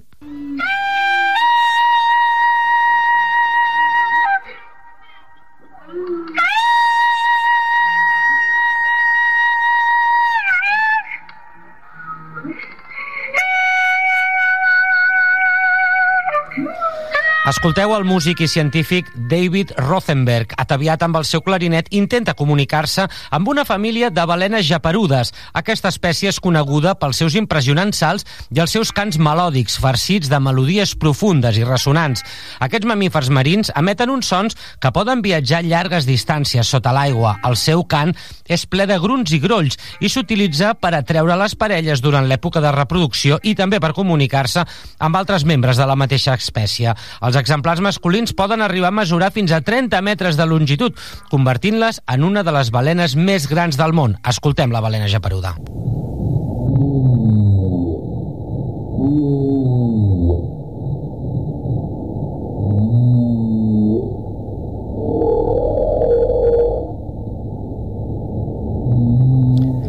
Després hi tenim el rorqual. Aquestes criatures són famoses pels seus cants vibrants i complexos. El rorqual és àgil, pot arribar a nedar a velocitats sorprenents, fins a 50 km per hora.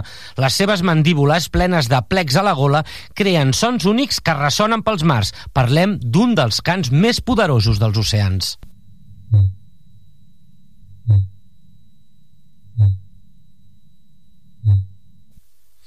Els rorquals utilitzen aquests sons per comunicar-se entre si, per localitzar les seves preses. Com acabeu d'escoltar, el seu cant consisteix en seqüències de sons a baixa freqüència que poden ser escoltats a grans distàncies. Ara és el moment de conèixer la balena més gran de tots els temps, la balena blava, al seu torn emparentada amb el rorqual. Aquesta increïble espècie pot arribar a una longitud superior als 30 metres. És l'animal més gran del planeta i té una veu inconfusible. El seu cant profund i ressonant és considerat un dels sons més forts del regne animal, tant que no és perceptible a l'oïda humana. Prepareu-vos, que ara us vibrarà tota la casa.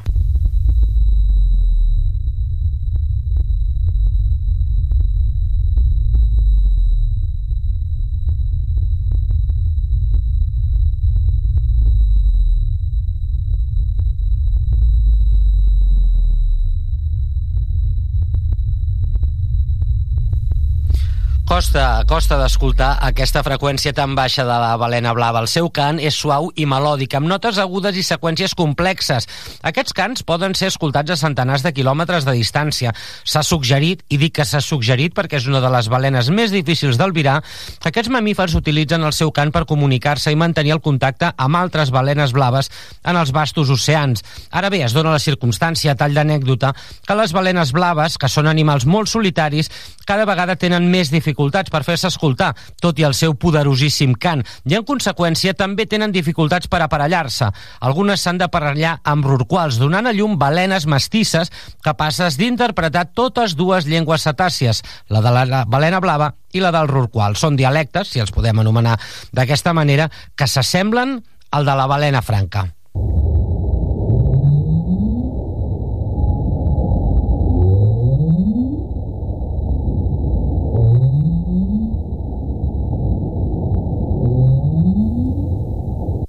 Canviem ara de registre amb una espècie més juganera i enèrgica, els dofins. Els dofins són coneguts pels seus xiscles i xiulets que utilitzen per comunicar-se entre si i capturar els seus aliments. Una de les espècies més famoses és el dofí comú. Aquest dofí és àgil, intel·ligent i el seu cant alegre és un símbol de l'oceà vibrant.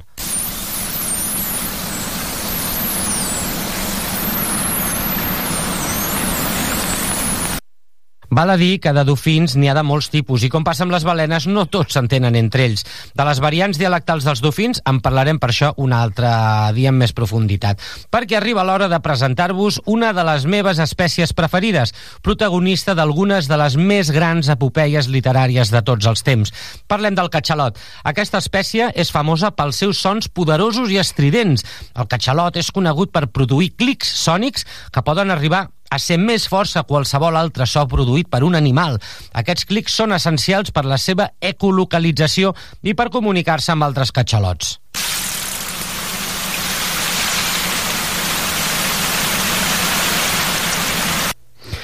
Els catxalots són les balenes que poden descendir a una major profunditat. Fins a 1.000 metres poden submergir-se per caçar el seu aliment preferit, el calamar gegant.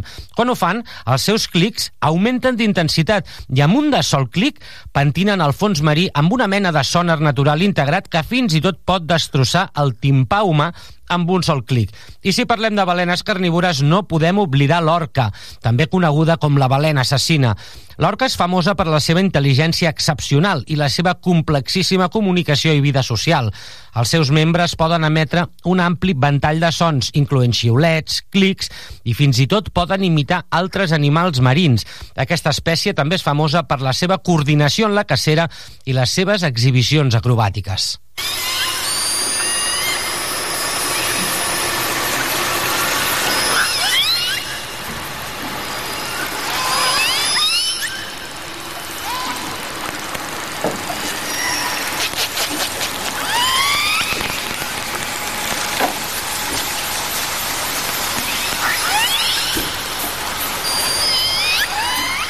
A més d'aquesta, ara bé, volem dir, existeix una balena dentada amb un cant molt semblant al dels catxalots, però no és tan intens. Parlem de la balena amb bec.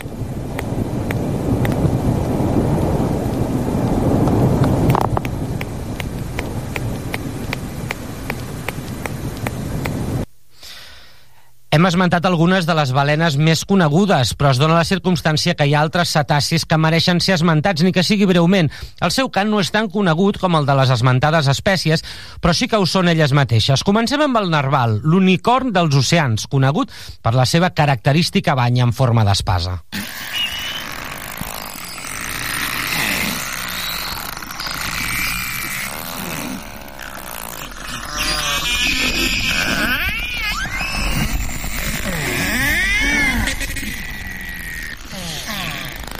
Arriba l'hora d'escoltar el cant de la beluga, coneguda per la seva harmonia, la seva melodia i el seu color blanc distintiu.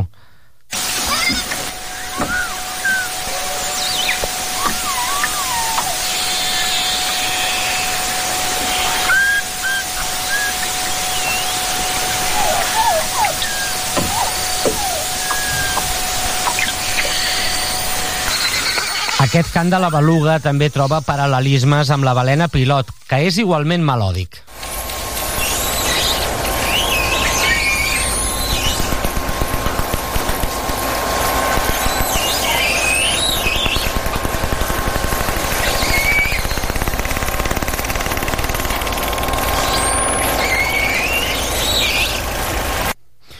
I així arribem al final d'aquest repàs lingüístic de les balenes més destacades. Esperem que aquest petit tas de la música submarina dels cetacis us hagi fascinat tant com a nosaltres. I si us ha inspirat a explorar més sobre aquestes meravelloses criatures, doncs encara millor. I si no us heu avorrit, aquí us ho prometem, d'aquí uns dies també us parlarem dels dialectes dels dofins.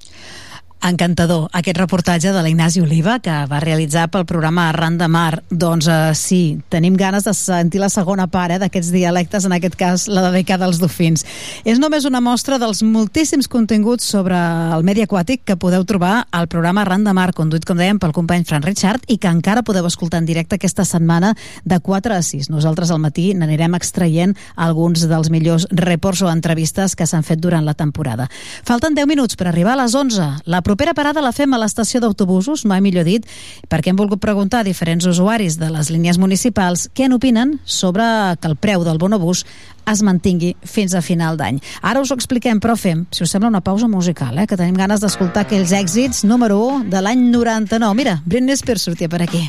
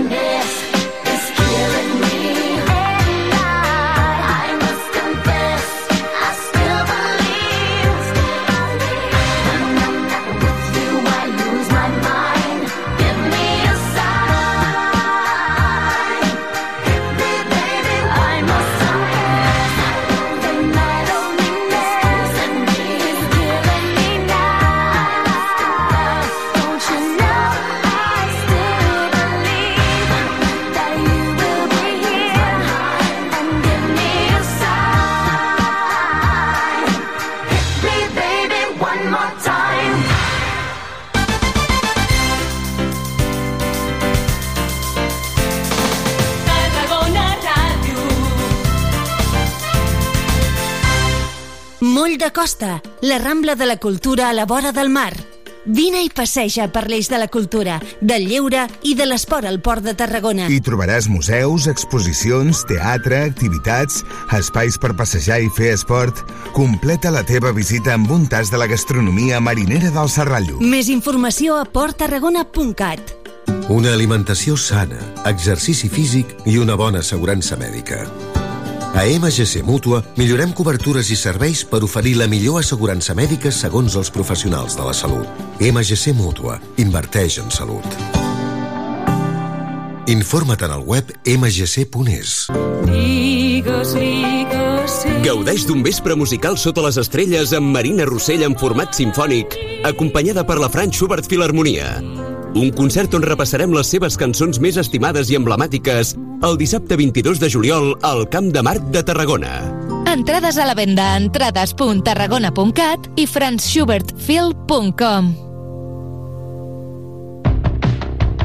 Sabies que aquest estiu es preveuen nits molt agradables al Festival Camp de Marc de Tarragona? Fins al 4 d'agost tens unes cites espectaculars. Dijous, concerts de petit format. Divendres, circ i cinema gratuïts. I també concerts amb Marala, Ginestar, Mariona Escoda, Frank Schubert amb Marina Rossell, Lil Dami i Julieta i molts més.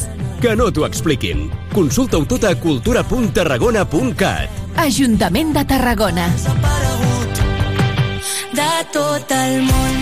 El que més m'agrada és que també hi visquis tu. ¿Te gusta lo nuevo de India Martínez? Disfrútalo en directo este 15 de julio en la Pobla de Mafumet. Escucha esta canción, estoy hablando de ti. Compra tu entrada por solo 20 euros en poblamafumet.covin.cat. Ay, a ver cómo te digo. Este 15 de julio tienes una cita con India Martínez en la Pobla de Si Mafumet. ella supiera, ¿Te lo vas a perder? noche baila conmigo.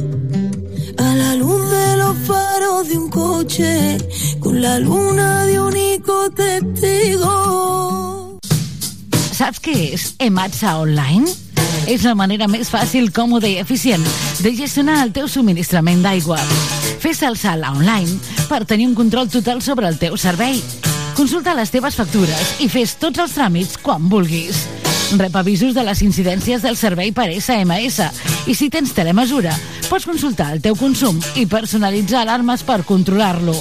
Un servei totalment gratuït al teu abast.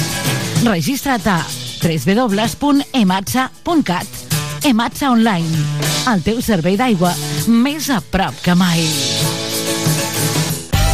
La Fundació PortAventura celebrarà el 20 de juliol al PortAventura Convention Center el tradicional sopar solidari. Particulars, empreses i organitzacions benèfiques gaudiran d'un sopar ple de sorpreses i espectacles per una bona causa, sota el lema Somriures que curen. La recaptació es destinarà a impulsar els projectes pel benestar infantil dels hospitals Joan 23 de Tarragona, Sant Joan de Reus i el projecte PortAventura Dreams de la Fundació PortAventura. Apunta't ja a fundacionportaventura.org.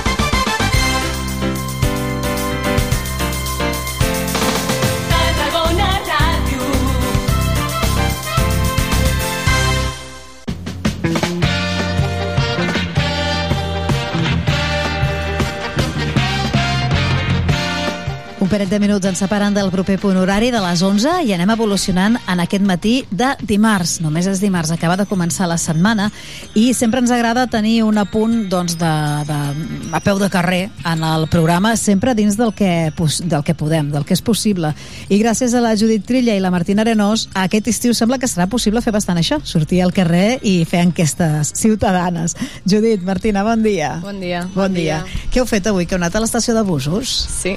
A veure, Sí, quina sí. era la notícia? Doncs hem anat a l'estació de busos a preguntar a la gent que hi havia allí sobre l'aplicació del nou decret, de la rebaixa aquesta del 50% en les tarifes, la pujada dels bitllets normals. També els hem preguntat sobre el vandalisme que hi ha als busos i bé, doncs això. Molt bé. Sí, sí, ens hem agafat amb això, no? En què recordeu, per si no ho sabeu, que el, es continua mantenint la rebaixa del 50% en el, en el preu del bonobús. Mm, bé, per tant, bueno, ho mantenim fins a final Sí. d'any almenys, eh? que era Sí. una cosa que no quedava massa clara. Molt bé. Uh, I què tal? Heu trobat molta gent, poca gent? Com estava l'estació d'autobusos? Perquè hi heu anat com aviat, no? Sí, hem anat cap a les 9, 9 i 20. Havia genteta, però molt, hi havia poca que ens, que ens vulgui contestar a les preguntes, però no... Es veia activitat, vaja, es veia gent Ah, amunt i avall. d'activitat, sí, però- No només per agafar busos urbans o per comprar el bonobús, que ja les, la, la, les taquilles estan aquí a l'estació de busos, sinó Sí. també per agafar altres autobusos. Sí, sí. això sí, hi havia més gent per allí que volia agafar busos. No, deu que la gent no tenia massa ganes de parlar no, avui, eh? no molt disposada. Avui no s'han aixecat amb el peu dret. Bueno, vinga, en tot cas, escoltem això sí, les preguntes que els heu fet i què opinen els uh, usuaris uh, o la gent que estava a l'estació d'autobusos sobre aquestes uh, mesures i el servei que dona l'EMT. Hola, bon dia, amb qui estem? Hola, sóc Marisa. Quina freqüència utilitzes el bus? Eh, cap, no, vaig en cotxe. Doncs, bueno, t'explico. Aquest any, bueno, l'any passat vam ficar el decret sobre que el- la MT nacional paga el 20% de les, les bonificacions de les tarifes i el 30% als municipis. Què penses de que l'hagin baixat i que eh, el 28 de juny la van allargar fins a finals d'any? No sé, en principi em sembla bé. Actualment han hagut 18 actes vandàlics a la ciutat sobre els busos i tal. Què t'assembla això? Te sents insegur? Penses que haurien de ficar més protecció a la, als, als ciutadans? Home, sí, hi ha hagut, sí, penso que hi hauria de... Jo no el faig servir, però amb uns fills sí. Sí, que hi hauria d'haver més seguretat, suposo. Entenc. Hola, buenos días. ¿Con quién estoy? Con Blanca. Vale, perfecto. Eh, no sé si sabías, pero hace poco han, bueno, el gobierno ha declarado un nuevo decreto que es que las tarifas de bus han bajado un 50% y bueno, de este 50% un 30% eh, lo pagan los municipios y un 20% lo que es la MT. Eh, ¿Qué te parece? ¿Te parece bien que hayan bajado un 50% las tarifas? Como... Bueno, en nuestro caso, que somos familia numerosa, la verdad es que nos hacen un favor. Entonces, eh, porque al final sí que supone una cantidad al mes. Así que nosotros sí que estamos a favor. Y última pregunta, aparte de esto, en junio decidieron alargar esta propuesta hasta final de año. ¿Te gustaría que la alargaran aún más? Pues la verdad es que sí, dado lo que está subiendo la vida y cómo se van encareciendo los precios y por lo menos algunas partidas las conseguimos reducir, bueno, pues las familias sí que nos vemos beneficiadas. Bon dia, em- com et dius? Josep Lluís. Ets freqüent utilitzant el bus? Sí, I tens targeta o utilitzes bitllet? Utilitzo el títol de transport públic. No sé si sabies que actualment, des de l'any passat, hi ha un decret nou on el 50%, ai, bueno, ens han rebaixat el 50% de les bonificacions de les tarifes i un 20% el paga la MT nacional i el 30% al municipi. Què, què penses d'aquest decret? Molt bé, està molt bé. Incentiva l'ús. I bueno, el 23 de juny van voler allargar-ho fins a finals d'anys. T'agradaria que l'allarguessin o que segueixi igual? Sí, jo crec que s'hauria de- d'implantar ja definitiu. Fa, bueno, des de gener ha hagut 18 actes vandàlics amb el bus i què, què penses? Te sents insegur a l'anar al bus? T'agradaria que fessin alguna per poder arreglar aquestes situacions? Home, crec que és una falta de respecte. Clar, s'hauria de ser més sensible, és, és un bé comú. Llavors, bueno, se podria millorar el, el sistema. Hola, molt bon dia, amb qui estem? Hola, sóc Pilar. Molt bé, Pilar. Eh, utilitzes amb freqüència el bus? Pues la veritat no, poquíssim. No sé si ho sabies, però ara fa un any ha sortit un decret de que han baixat un 50% les tarifes de bus i d'aquest 50% un 30% ho paguem als municipis i un 20% ho paga la MT nacional. Què et sembla que hagin baixat un 50% les tarifes? A veure, em sembla molt bé, perquè tot el que és ajudar l'usuari a no haver de pagar tants diners per desplaçar-se, que és algo eh, doncs necessari dins d'una ciutat, em sembla perfecte. Molt bé. I a part d'això, el 28 de juny van decidir prorrogar aquesta proposta fins a finals d'any.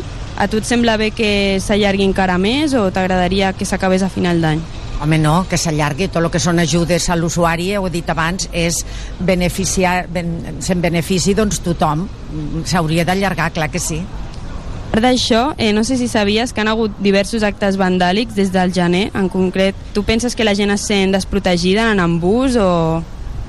Bé, estic al dia d'això perquè llegeixo cada dia el diari de Tarragona i sí, és, és mm, bueno, vergonyós, penós, no sé quina ciutat estem construint, però és el que més me preocupa, això, els actes vandàlics, la inseguretat ciutadana, és a dir, que d'alguna manera l'Ajuntament hauria de posar mesures i realment qui, qui, qui ho destrossa que ho pagui. Hi ha càmeres de seguretat en molts llocs de la ciutat. S'hauria d'averiguar qui, pot, qui fa aquestes barbaritats i que pagui per, per lo que fa. A veure, els contenedors també, els contenedors cada dos per tres es cremen. Això val uns diners. Per tant, no sé com es pot millorar entre tots, però eh, claríssim que alguna s'ha de fer. Bon dia, amb qui estem? Em dic Francesca. Utilitzes freqüentment el bus? No massa. I quan l'utilitzes, suposo que pagues el bitllet. Sí. No sé si sabies que des de l'any passat eh, el de, han implantat un decret on un, el 50% de les tarifes baixa, però el bitllet puja. Encara així, les tarifes estan al 50% i són més barates i també han dit que durarà fins a finals d'anys. T'agradaria que allarguessin què et sembla aquest decret? No em sembla massa bé, no és correcte. No són coherents. No sé si sabies que també des de gener han hagut 18 actes vandàlics que han estat trencant els autobusos, no respectant les zones comuns de la MT. Què, és, què et penses d'això? Pues que no hi ha dret, que el vandalisme no porta a cap lloc. Amb això han fet que 13.000 euros hagin anat a aquestes reparacions. Què en penses d'això? Amb en part està bé, però no ho han de pagar nosaltres, perquè ja paguem prou els impostos, almenys aquí a Tarragona. Hola, molt bon dia, com et dius? Aitana. Aitana, utilitzes el bus amb freqüència? Eh, sí, de, de vez en cuando sí. No sé si sabies que eh, han implantat un nou decret en què han baixat el 50% de les tarifes i d'aquest 50% un 30% el paga els municipis i un 20% la MT nacional. Què et sembla que hagin baixat el preu? Eh, bueno, me parece bien. Me acabo de enterar ahora porque no lo sabía. Me parece bien que bajen los precios porque yo sí utilizo mucho el bus. També, no sé si sabies que eh, al juny van dir que prorrogarien aquesta proposta fins a final d'any. A tu t'agradaria que la prorroguessin encara més o que a final d'any ja s'acabés i, i no s'apliqués més? No, sí, que, que dure todo lo que tenga que durar. Sí, sí, me gustaría que siguiera. Bueno, no està mal, he trobat diferents perfils, no? Sí. Bueno, persones que tenien més criteri que altres que també utilitzaven més el bus que d'altres. Bé, sí. això és la realitat, el que passa a l'estació d'autobusos. Un dimarts, a, què, una altra a les 9, quarts de 10? Sí, sí, por una ahí. deu, Mati. Molt bé. Noies, moltíssimes gràcies. Uh, Judit Martina, demà més, eh? I tant. A veure on podeu sortir demà, vale? A veure quina Vale. crònica porteu. A veure, a Moltes veure, a veure gràcies. com va. No, no, de- demanem a la Judit i a la Martina que no marxin massa lluny perquè ara d'aquí a res, a 5 minutets, eh, arrenquem amb la segona part del mercat d'estiu. Mm, Temps una mica eh, per acabar de complir amb compromisos publicitaris, per escoltar una mica més de música. I ara doncs fem el sumari de la recta final del programa. My name is what? My name is my name is name Sadie. My name is my name is what? My name is name Sadie. My name is what? Excuse me.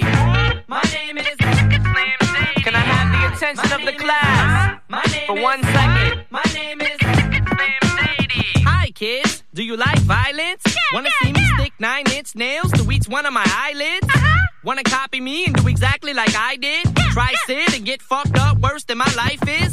My brain's dead weight. I'm trying to get my head straight, but I can't figure out which Spice Girl I wanna impregnate. And Dr. Dre said, Slim Shady, you a basic. Uh-uh. Then Why's your face red? Man, you wasted. Well, since age 12, I felt like I'm someone else, cause I hung my original self from the top bunk with a belt. Got pissed off and ripped Pamela Lee's tits off and smacked her so hard I knocked her clothes backwards like Chris Paul. I smoke a fat pound of grass and fall on my ass faster than a fat bitch who sat down too fast. Come here, slut. Shady, wait a minute. That's my girl, dog. I don't give a fuck. God sent me to piss the world off. Hi, my name is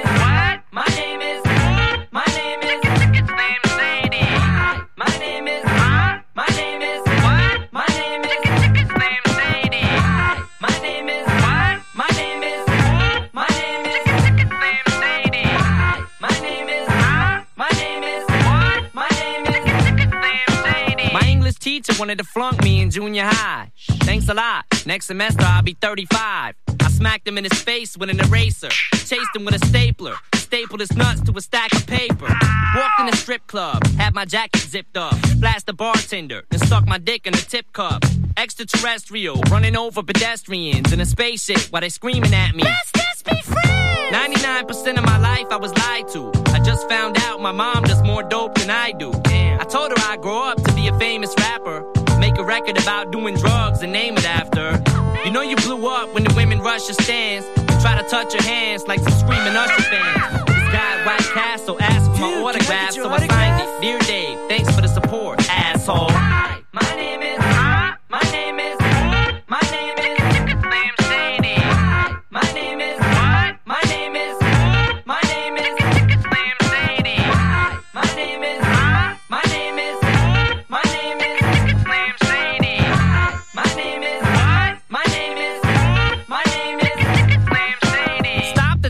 This kid needs to be locked away. Get him. Dr. Dre, don't just stand there. Operate. I'm not ready to leave. It's too scary to die. I'll have to be carried inside the cemetery and buried alive. Uh, Am I coming or going? I can barely decide. I just drank and fit the vodka. Dare me to drive? Go ahead. All my life I was very deprived. I ain't had a woman in years, and my palms are too hairy to hide.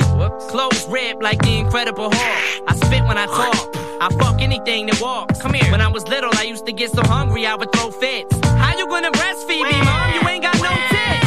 I lay awake and strap myself in the bed with a bulletproof vest on and shoot myself in the head. Bang! I'm steaming mad. Ah. And by the way, when you see my dad, yeah, tell him that I slit his throat in this dream I had. Ah. Hi, my name is. Ah.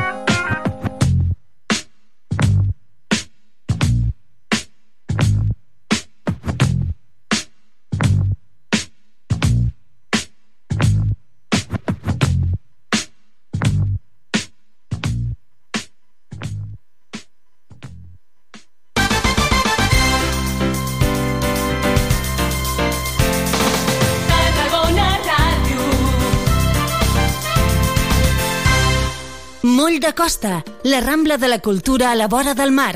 Vine i passeja per l'eix de la cultura, del lleure i de l'esport al Port de Tarragona. Hi trobaràs museus, exposicions, teatre, activitats, espais per passejar i fer esport. Completa la teva visita amb un tas de la gastronomia marinera del Serrallo. Més informació a porttarragona.cat. Una alimentació sana, exercici físic i una bona assegurança mèdica. A MGC Mútua millorem cobertures i serveis per oferir la millor assegurança mèdica segons els professionals de la salut. MGC Mútua. Inverteix en salut. Informa't en el web mgc.es. Sabies que aquest estiu es preveuen nits molt agradables al Festival Camp de Mar de Tarragona? Fins al 4 d'agost tens unes cites espectaculars. Dijous, concerts de petit format. Divendres, circ i cinema gratuïts. I també concerts amb Marala, Ginestar, Mariona Escoda, Frank Schubert amb Marina Rossell, Lil Dami i Julieta i molts més. Que no t'ho expliquin. Consulta-ho tot a cultura.tarragona.cat. Ajuntament de Tarragona. de tot el món.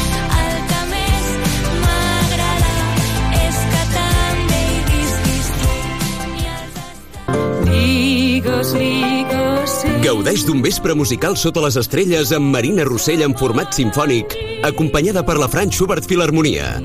Un concert on repassarem les seves cançons més estimades i emblemàtiques el dissabte 22 de juliol al Camp de Marc de Tarragona.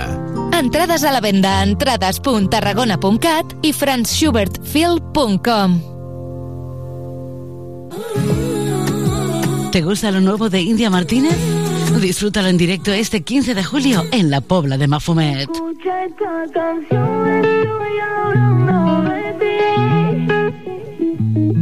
Compra tu entrada por solo 20 euros en poblamafumet.covin.cat. Ay, a ver cómo te digo. Este 15 de julio tienes una cita con India Martínez en la Pobla de Mafumet. Si ella supiera, ¿Te lo vas a perder? noche baila conmigo. a la luz de los faros de un coche, con la luna de único testigo. Saps què és Ematsa Online? És la manera més fàcil, còmoda i eficient de gestionar el teu subministrament d'aigua. Fes el salt online per tenir un control total sobre el teu servei. Consulta les teves factures i fes tots els tràmits quan vulguis. Rep avisos de les incidències del servei per SMS i si tens telemesura, pots consultar el teu consum i personalitzar alarmes per controlar-lo. Un servei totalment gratuït al teu abast. Registra't a www.ematsa.cat Ematsa Online, el teu servei d'aigua més a prop que mai. La Fundació PortAventura celebrarà el 20 de juliol al PortAventura Convention Center el tradicional sopar solidari. Particulars, empreses i organitzacions benèfiques gaudiran d'un sopar ple de sorpreses i espectacles per una bona causa, sota el lema Somriures que curen. La recaptació es destinarà a impulsar els projectes pel benestar infantil dels hospitals Joan 23 de Tarragona, Sant Joan de Reus i el projecte PortAventura Dreams de la Fundació PortAventura. Apunta't ja a fundacionportaventura.org.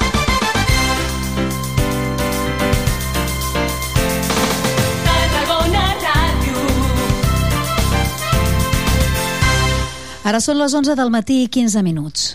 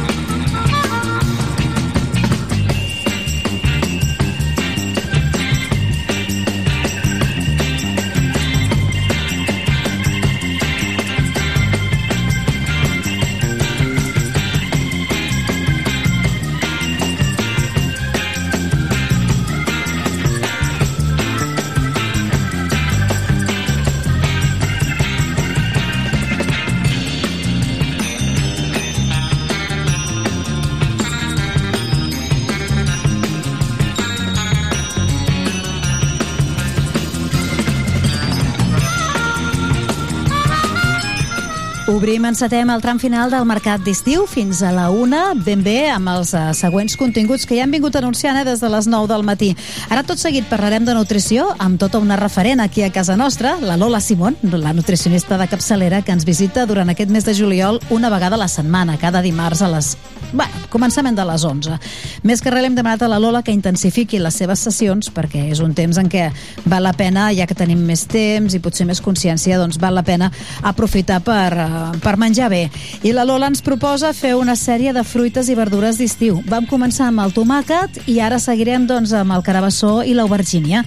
Nutrició, amb la Lola Simón, ara tot seguit, no marxeu.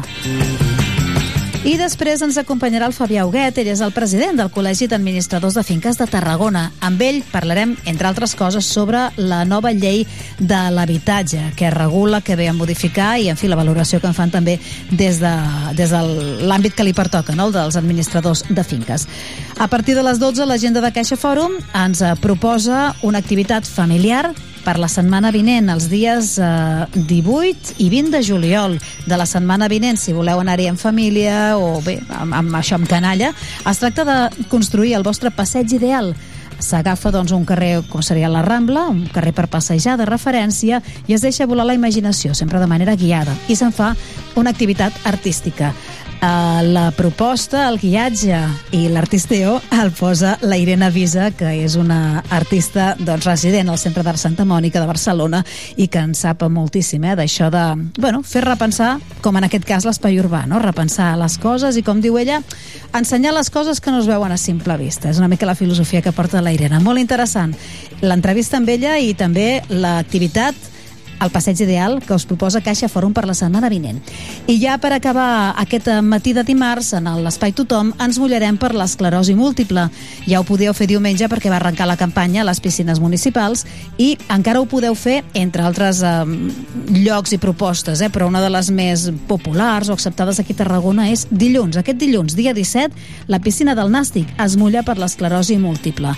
Es tracta de donar informació sobre aquesta malaltia, sobre les activitats que organitza la Fundació Esclerosi Múltiple i també recaptar diners per poder dur a terme aquestes activitats i aquests serveis. 300.000 euros volen eh, recaptar en guany i de moment, ahir a la tarda ja anaven vora els 175.000, més de la meitat. Uh, abans de que comenci el tothom, el que farem serà doncs, refrescar la pàgina web i us direm exactament quina quantitat han aconseguit de moment. Tot això és el que ens ocupa en aquest tram final de programa des d'ara i fins a la una. Avui, que és dia 11 de juliol.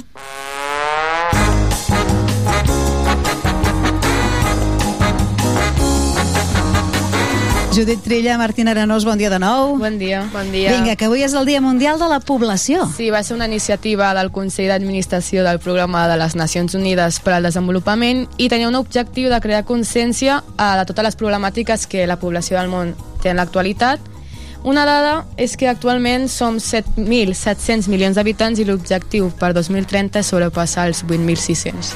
S'espera eh, que, el 8, que el 2030 se sobrepassin sí. els 8.600 milions. Són xifres d'aquelles tan grans que s'escapen de, de la meva Pues sí, sí, la imaginació. Sí. Sí, sí. I, bueno, el, tal dia com avui, en 1978, va haver un accident a un càmping a prop d'aquí a Tarragona, a l'Alcanar, bueno, a la, a la, al municipi d'Alcanar, al càmping de Los Alfaques.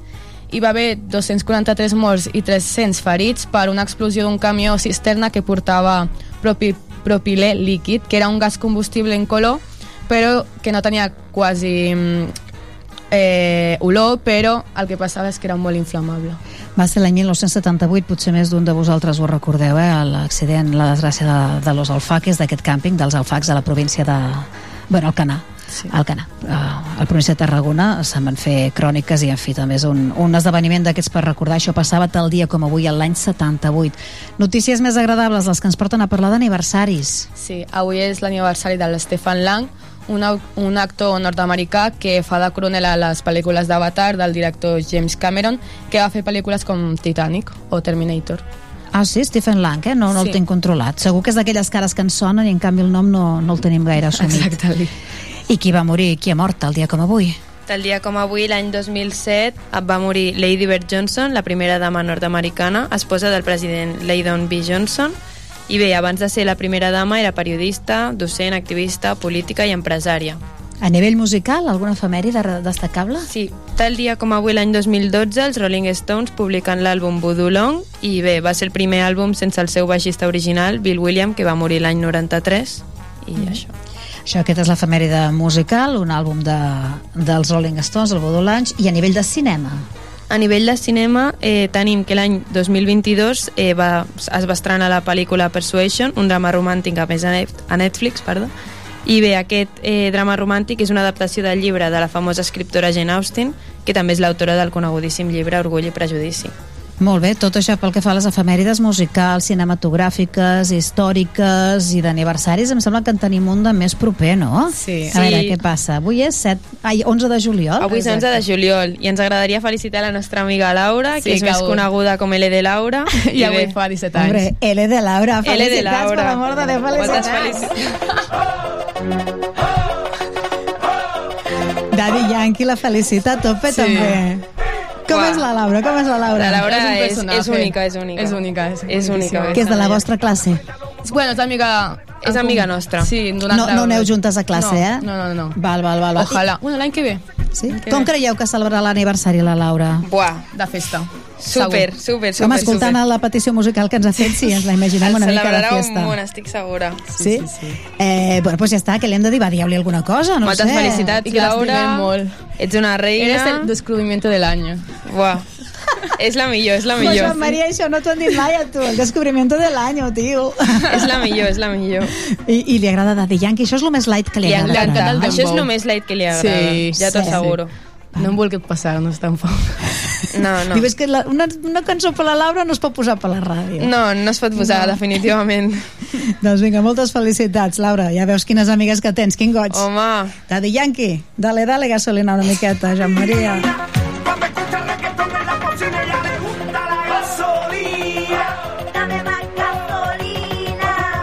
Saps que sona com a light ara la gasolina, havent passat tant de temps? És un clàssic del reggaeton, eh? Exacte, ah, que exacte. sí? Sona ja fins i tot d'antes, això. Motiva molt, això. Sí, Buah, anima molt i ja no és aquell xoc tan bèstia no, de quan l'escoltàvem al començament. A veure quant de temps té la gasolina, ara us ho diré.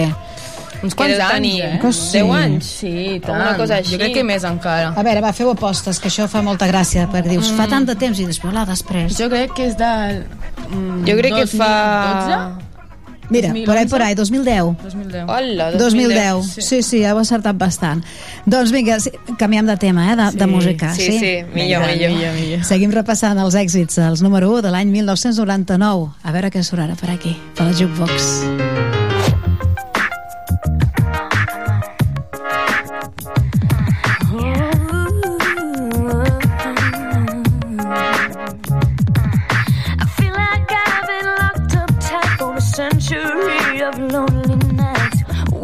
someone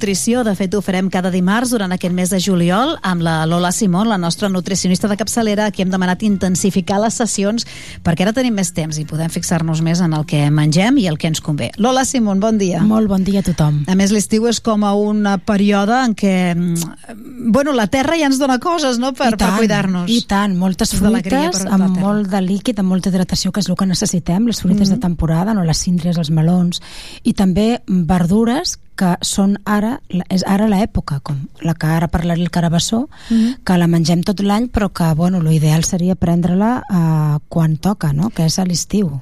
Si voleu, farem una sèrie, vaja, estem fent una sèrie de verdures d'estiu. La setmana passada, dimarts passat, la Lola ens va parlar sobre el tomàquet. Ho dic perquè Exacte. podeu repescar de, Sí, de la nostra sí, sí. També és- programació a la carta, ho podeu repescar. La... També, també és típicament d'estiu, sí. no? Encara que la mengem tot l'any, però tots sabem que el tomàquet És clar, en quan ple hi ha més hivern, ni el, ni el sabor ni res, el Clar. millor és de temporada i de proximitat, com Pues sempre saps que el carabassó el tenim, jo el tinc molt integrat per fer cremes calentes de carabassó. Em pensava Sí. que era d'hivern, i no. No, no, no, no. El carabassó comença al maig i és una hortalissa típicament de l'estiu. I, I per les cremes de carabassó, a l'estiu fresquetes són ben bones. Clar. Eh? El carabassó es pot cuinar, ara parlarem de moltes maneres, però és, és el, el nom científic és la cucurbita pepo, que es diu, i és de la família de les cucurbitaceae, igual que la carabassa. Eh? Com igual a Itàlia que diuen zucca, que és la carabassa, i del carabassó en diuen zucchini, carabassetes, sí. uh, també podem dir del carabassó carabasseta, perquè és la mateixa família, la carabassa i la carabasseta o carabassó. Molt bé. Val? La, la, el cogombre, el pepino, eh, que diem, El això seria un cogombre, altre, sí. perquè per forma s'assemblen. S'assembla, però, és diferent. És una altra Sí, família. ja en parlarem, perquè també és d'ara d'estiu el cogombre. I és molt refrescant i també es pot fer amb sopes fredes, amb amanides amb tomaca. Mm.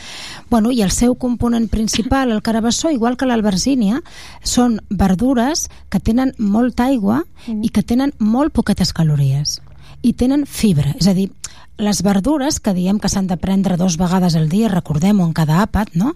Uh, són, el cos necessita les verdures també per aquest component de fibra alimentària que ens ajuda a no tenir restrenyiment, a eliminar toxines i, i l'intestí, no? És bàsica la fibra per l'intestí. I el carabassó és un, una verdura que té molta aigua, molt poc greix, molt poqueta proteïna, bé, les verdures totes en tenen poca, Clar. però especialment el carabassó, perquè trobem verdures com l'espinac, que en tenen 2 grams o 3 per 100 grams d'aliment, aquí no, aquí n'hi ha molt poqueta. Per tant, com té molts pocs nutrients, macronutrients, com greix, molt poquet, proteïna molt poqueta, i la resta de carbohidrats és més que res és fibra, ens trobem amb un aliment que té molt poquetes calories. 18 calories, no res, pràcticament, per 100 grams de carabassó. I en canvi ens, ens sacia o, Ens sacia o no? per la fibra. Clar. Bueno, si només mengem carabassó no, però bueno, Clar. sí, és un aliment... Tot el que porta fibra té aquesta propietat saciant. Mhm. A part de per la microbiota intestinal, que és molt important la, la fibra, per alimentar aquesta microbiota que té molt a veure amb un bon sistema immunològic, la fibra és molt important. I min minerals i, i vitamines. Sí, això anava a dir. Sí. Té una miqueta de vitamina C, poqueta, una miqueta de magnesi, té potasi, com totes les verdures i fruites, poc sodi, que això ja és, ja és bo, àcid fòlic, que també és molt interessant, i és, per tant, molt adequat, tota aquesta composició fa que sigui molt adequat amb dietes hipocalòriques, per evitar el restrenyiment, com a diurètic, com a aliment de fàcil digestió. Mhm. Sempre, clar, depèn de la preparació culinària, perquè si la rebossem ja tenim més calories, no? Però en general, si fem una crema de carabassó, si fem una truita de carabassó, que amb poquet oli es pot fer, eh, podem fer carabassó a la planxa com a acompanyament, que a vegades no tenim verdura, tenim a mà un carabassó, en un moment el fem a la planxa per acompanyar una carn, un peix. Eh, el carabassó forma part de la samfaina, no? És típic ara a l'estiu la samfaina o el pisto que diuen també els Mhm. en castellà, no? Hi ha moltes receptes que combinen aquestes verdures de temporada, perquè la samfaina és típicament amb carabassó, amb, caraba, amb, amb albergínia, no? ceba, Mhm. amb tomaca, en moltes, molts llocs, en moltes zones geogràfiques. Llavors, aquestes el, combinacions de verdures de temporada també són molt adequades per com a acompanyament, que sempre dic que s'estan perdent, perquè moltes vegades quan preguntes a la persona el que ha menjat, et diu que ha menjat un primer plat i un segon pelat, i els acompanyaments les samfaines, les escalivades, els xampinyons per acompanyar ens ajuden a arribar en aquesta quantitat de fibra, de ració de verdures, de vitamines, de minerals que són tan importants per al cos. El carabassó farcit, farcit de tonyina, farcit d'udú, farcit Clar, de, ja de carn picada. Ja introdueixes la, I la proteïna. introdueixes la proteïna d'una forma fresqueta, no? Se Amb pizzas, per, també. També. Es pot fer una pizza de verduretes posant carabassó. Se m'acut que per als nens és, uh, és bastant ideal perquè no té massa gust, és, és, bastant, és, poc una verdura gustós, llavors és molt suau. Sí, és molt suau, exacte. És una verdura suaveta, no és una bleda, no és una col, Mm. no? És una, és, I a més és això, és de molt fàcil digestió, no? Pràcticament a tothom el carabassó, si alguna persona la coliflor o les cols de Brussel·les els hi fan un, casos i així, el carabassó no. El carabassó és una, una verdura que, que és de molt fàcil digestió i que amb, amb les receptes de carabassó, igual que amb altres receptes amb la gastronomia, ha innovat molt, perquè ara hi ha una recepta molt típica amb el carabassó, molt, molt moderna, molt d'ara, que són aquests espaguetis de carabassó que substitueixen la pasta per al carabassó. Sí. Amb un esterilitzador es fan els fideus de carabassó, eh, primer es renta, es pela i s'asseca bé el carabassó, evidentment, després es fan aquests fideus i, per exemple, amb una, amb una salsa al pesto, queden molt bons, perquè el pesto també és una salsa que si fem uns, uns carabassons a la planxa, si li posem una mica de salsa al pesto per sobre, mm, és boníssim, no? Dona, un, dona una frescura i una, un sabor al carabassó molt bo. Doncs aquestes, aquests espaguetis de carabassó se prepara una salsa al pesto amb 4 o 5 fulles d'alfàbrega fresc, amb uns 50 grams de pinyons, uns 80 grams de parmesà ratllat i uns 120 d'oli d'oliva, no? es barreja tot primer menys l'oli, després se li afegeix l'oli i això per fer aquests espaguetis amb carabassó tenim un plat molt d'estiu, molt refrescant i molt, i molt nutritiu. Has dit es pela, el mite aquell de que la pell és bona, és dolenta, aporta alguna cosa de vitamines... La pell sempre és bona si es renta bé perquè té fibra. Clar. Sempre és bona. Però per algunes receptes, Ah, potser ens trobem allí, eh, és gastronòmicament, però sempre és millor si podem. Rentar bé fruites i verdures i les fruites i verdures que es puguin menjar amb pell, menjar-nos-les amb pell perquè sempre tindrem més aport de fibra que és molt important per al cos, la fibra. Molt bé, sí que és veritat que s'han innovat eh, les tècniques, encara que no de menjar carabassó, encara que només sigui per la manera com es talla, Sí, sí. perquè et dona una altra presència. Sí, i perquè variar sempre és interessant, Mm. no? Jo sempre dic, mengeu les verdures, les fruites de mil... Es poden menjar... Hi ha tantes receptes, no? Pues el carabassó, hi ha gent que sempre fa crema de carabassó amb el carabassó. I es poden fer moltes coses amb el carabassó. Llavors és interessant... Sí, perquè tallat així rodanxetes ve a ser Sí. com si fos la patata fregida, també, si tu vols, no? sí, Llavors tant. allí li pots donar I diversos tant, usos. inclús posar rodanxetes de tomàquet i de mozzarella a morenga i fem com una pizzeta. Es poden fer moltes coses amb les verdures que a vegades per manca de temps o per manca de creativitat també està lligada a la manca de temps, no? de que no hi pensem, al final mengem a la mateixa- a l'aliment de la mateixa manera sempre. Mhm. I es poden fer de moltes, de moltes... Hi ha moltes receptes, no? Sempre la, o, bueno, la manera potser més natural de fer-lo és així, bueno, és que hi ha mil maneres, no? Anava a Sí. dir bullit, sí. al vapor, és Bullit, tan... És el tan... vapor a mi no m'agrada No? tant perquè com el carabassó és molt aigualit sí. a mi el vapor am- així com el bròcoli el vapor és fantàstic la mongeta verda, els pèsols frescos, la patata és fantàstic jo el carabassó el trobo com té molta aigua el, bueno, es, po- es pot fer no? Es- amb pebre, amb herbetes però a mi no m'agrada massa el, el carabassó amb el vapor, prefereixo fer-lo al forn, a la planxa farcit, amb truita. El truita el trobo boníssim. Uh, Truita, sí.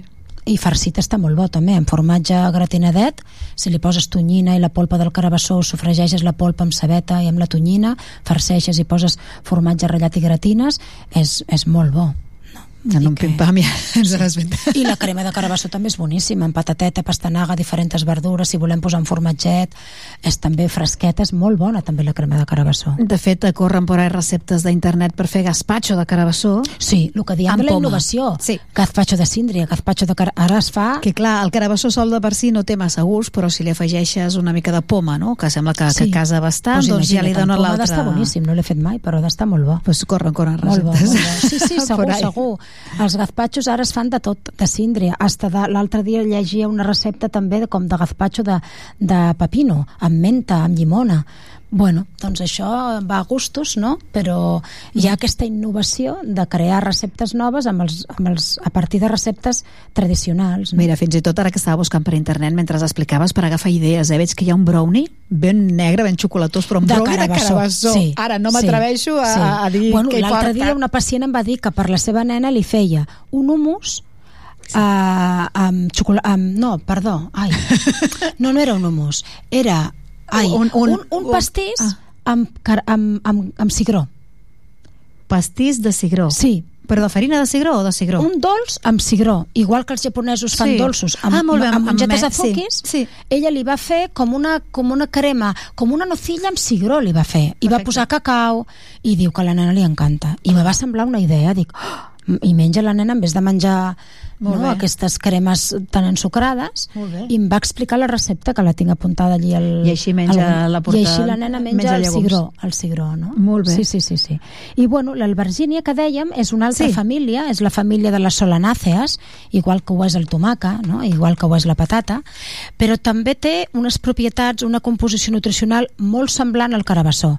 És també una verdura que té molta aigua, també té molt poquetes calories, el carabassó dèiem uns 18, unes 18 quilocalories cada 100 grams, l'aubergínia en té 16 i mig, o sigui, pràcticament igual, eh, també rica en fibra, amb àcid fòlic, amb potasi, amb alguns minerals, ferro, magnesi, calç, una miqueta de minerals, i bueno, també és una verdura que com a acompanyament les, formant part de l'escalivada al forn, també jo la faig molt al forn l'albergínia, tallada rodanxetes amb sal, pebre i alguna herbeta i també està molt bona uh, farcida, les albergínies farcides també són boníssimes no? Sí, sí, són També espectaculars. són molt bones El problema de l'aubergínia, al meu entendre, en té dos. Primera, que s'oxida de seguida, vull dir, és eh, comprada Sí, i feta. Sí, sí, s'ha de posar, és molt, és molt, perquè el que tu dius és molt mm, eh, delicada amb les temperatures. Ah, sí? S'afecta molt per la temperatura, per això s'ha de posar a la nevera i cuinar-la el més aviat possible, Vale. perquè comença allò a oxidar-se, a arrugar-se, a fer-se malbé. Sí, sí, sí. No? I llavors... I després que quan la, la fregeixes per fer doncs, eh, el, el, la típica sanfaina i tal, t'agafa molt d'oli, xucla molt, Sí, és molt esponjosa. sí. I llavors... L'albergínia xupa molt d'oli, sí, això és cert. L'albergínia és una verdura, quan, igual que fem truites i fem amb la truita del carabassó amb poc oli es fa, una truita de xampinyons, d'espinac amb poc oli es fa, la d'albergínia Necessita. necessita bastant d'oli, perquè si no es Clar, recrema... acaba sent bastant calòric el- si ho fas d'aquesta manera, sí, no? és per fer-la menys Però vegades. És com la, forn- fa- la fregideta o arrebossada, està boníssima. L'albergínia és, per mi, de la, és com més m'agrada a mi l'aubergínia és rebossada. Però clar, eh, bueno, és per fer-la alguna vegada. No passa res, amb un bon oli d'oliva un dia es pot fer com a acompanyament si la resta de l'àpat és adequat, no? Pues, està molt bé, si fem una mongeta verda amb patata amb una pollastre a la planxa amb albergínia rebossada, perfecte perquè tenim un primer plat molt adequat, un segon plat a la planxa i per tant no passa res si acompanyem amb albergínia rebossada. Hi ha colors d'aubergínia també. N'hi ha la que és la, que la típica sí, és la ha la morada, blanca, però la ratllada, blanca. no? La... Hi ha diferència en aquest sentit? No, nutricionalment no. Nutricionalment són molt semblants. El que dèiem, el que dèiem un aliment amb poques calories, amb molt d'aigua, amb fibra, que és, és el que ens interessa, amb mineral, algun mineral i vitamina, és el que ens interessa d'aquestes de les verdures en general, d'aquestes concretament. I també us he portat una recepta de, típica italiana molt bona, que és la parmigiana di melanzane. M'encanta. Que és aquest pastís d'aubergínia. Sí. Que té eh, l'aubergínia eh, feta al forn eh, o a la planxa a rodanxetes, es pot fer tant al forn com a la planxa, uns dos centímetres, eh, perquè després va també al forn amb, amb altres ingredients, i la mozzarella de búfala se talla a rodanxes i es deixa escórrer, això sí, uns 20 minuts, que no li queda gens d'aigua, val? i llavors eh, es, es sofregeix all i ceba tendreta, se li posa tomaquet, es prepara com una salseta amb sal i pebre i després es fotza una, una safata al forn amb la llits, no? o sigui, capes. Sí. Primer l'aubergínia, la salsa de tomaca, la mozzarella, eh, i es van posant alguna, alguna capa més, el parmesà ratllat, unes fulles d'alfàbrega, 180 graus, 20 minutets, i un, un pastís d'aubergínia és molt bo. Ja està.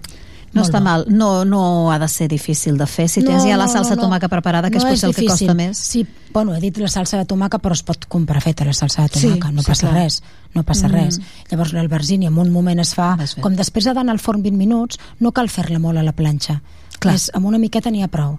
Simplement després posant la, la tomaca, posant la mozzarella, que simplement l'has deixat escórrer, però Mhm. és, un plat, és un plat fàcil de fer i senzillet.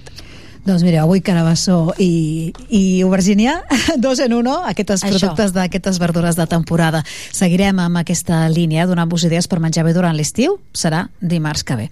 Lola Simon, moltes gràcies. A vosaltres, bon dia.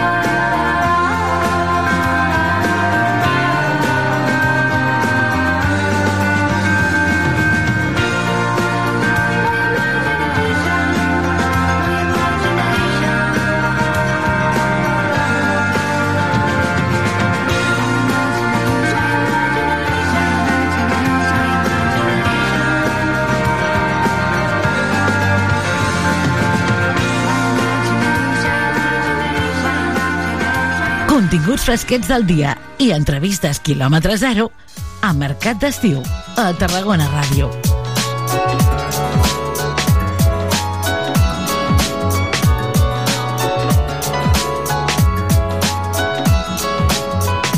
Una vegada al mes eh, complim... Ei, ei, ei, que se'ns escapa l'Spotify per aquí. Una vegada al mes, com dèiem, el que fem és fer una ullada a les comunitats de veïns i ho fem amb el Col·legi d'Administradors de Finques de, de Tarragona per tractar aquells temes eh, que comporta i que ocupa a tots aquells doncs, que viuen, que tenen o que viuen en algun habitatge, que més o menys, per sort, som tots. Després hi ha condicions i condicions. Per regular totes aquestes condicions, les de l'habitatge, està la llei i des del 26 de maig que en tenim una de nova que el senyor Fabià Huguet, que és el president del Col·legi d'Administradors de Finques, diu que no durarà massa. Fabià Huguet, bon dia. Hola, bon dia. Sí, aquesta llei que tenim des del maig, fa tot just un meset o així, no, no un mes i mig, no, no durarà massa. Bueno, jo crec Oi. que no, no ho sé. Eh? Eh, això no se sap mai, però, però les tendències polítiques canvien i llavors els, els, eh, les idees o, o, o que un partit vol in, inculcar o vol imposar pues, I normalment el tema de l'habitatge és un tema llaminer per posar-hi per posar-hi mà, no? per, per intentar... O sigui, aquí sí que cada partit té les seves tendències, sí. directrius, i és Sí. una cosa que no acaba d'estar mai del tot a gust de tothom. Bueno, perquè el tema de l'habitatge, eh, jo he repetit un munt de vegades, crec que ens estem equivocant. Eh, crec que tenim que fer un pacte d'estat entre els partits majoritaris i crear una única llei d'habitatge que sigui la que, la que reguli els pròxims 20 anys. Una cosa de llarg termini, no? Exacte. El que no podem és estar en, una, en aquest país, en aquests moments, en els últims 10 anys, depenent de quina fetge sigui el contracte, tens una regulació o una altra, però tens hasta 7 regulacions. Vull dir, no pot, un mercat no pot funcionar bé mai amb una, un canvi normatiu tan continu i tan seguit, no?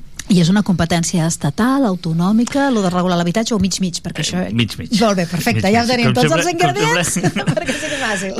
Com sempre, eh, compliquem les coses. Sí, sí. Compliquem les coses. Anem a donar guies, eh? a sapiguem més o menys què diu aquesta nova llei des del 26 de maig i, i com afecta. Jo preguntava abans, és més que res regula el lloguer? Mm, Principalment. Principalment. Quins serien els punts principals? Bueno, per nosaltres hi ha, hi ha diversos punts principals. Un, com no podia ser d'una altra manera, la transitòria sexta, on estableix la figura de l'administrador de finques, contemplar la llei i l'estableix i li dona, li, li dona consistència i reconeixement a la professió. Vale? Que jo Això crec que convenia. Això, és, això convenia molt, convenia i era necessari. Per l'altra part, crec que hi ha coses que no són del tot eh, correctes o que la llei no ha sapigut eh, aplicar bé, que és com per exemple la figura del gran tenedor. Han passat del gran tenedor, que eren 10 vivendes, a 5 vivendes. O sigui, avui dia algú que tingui que gestioni cinc vivendes, que tingui a nom seu cinc vivendes, encara que es digui parcialment, perquè parlem de mitges herències i coses Sí, sí, així, no? sí, sí, però- si tu tens en... Jo, jo fico un exemple cinc- molt clar que és, eh, pues, bueno, la, la gent, molta gent fa, treballa 30 anys per guanyar quatre durets i compra un o dos pisos perquè pensa que això li donarà rentabilitat a, a la seva jubilació hereda dos del pare o una del pare i ja és un gran tenedor Mm. i llavors això amb les dificultats que té el gran tenedor Uh, perquè la llei doncs, fa molta distinció entre mm, tenedor i gran tenedor. Per tant, a la que tens cinc vivendes a Exacte. nom teu, doncs ja, ja se't no pots fer desnonaments, etc etc. Tens una sèrie d'inconvenients que, que, que un, un titular normal no els tindria. I això provoca, per mi, greus eh, afectacions al mercat. I el mercat és un mercat que està desregulat, perquè hi hagi molta regulació, per mi està molt desregulat perquè hi ha molta incongruència amb, la, amb les normatives. Um, és una llei que des del nostre punt de vista ha generat més inseguretat jurídica eh, i tornem al mateix. No podem anar amb lleis que favoritzin totalment el, el propietari ni lleis que favoritzin totalment el, el llogater. És a dir, tenim que anar amb, amb un equilibri perquè els mercats eh, funcionen amb equilibris. Si no tenim un equilibri i un pacte d'estat que això duri i perduri eh, no pot ser que ara, si les pròximes eleccions canvia el govern, canviaran la llei i tornem a estar una altra vegada amb una altra normativa nova i, i bueno, no passen. Pensa que hi ha normatives que han durat un mes.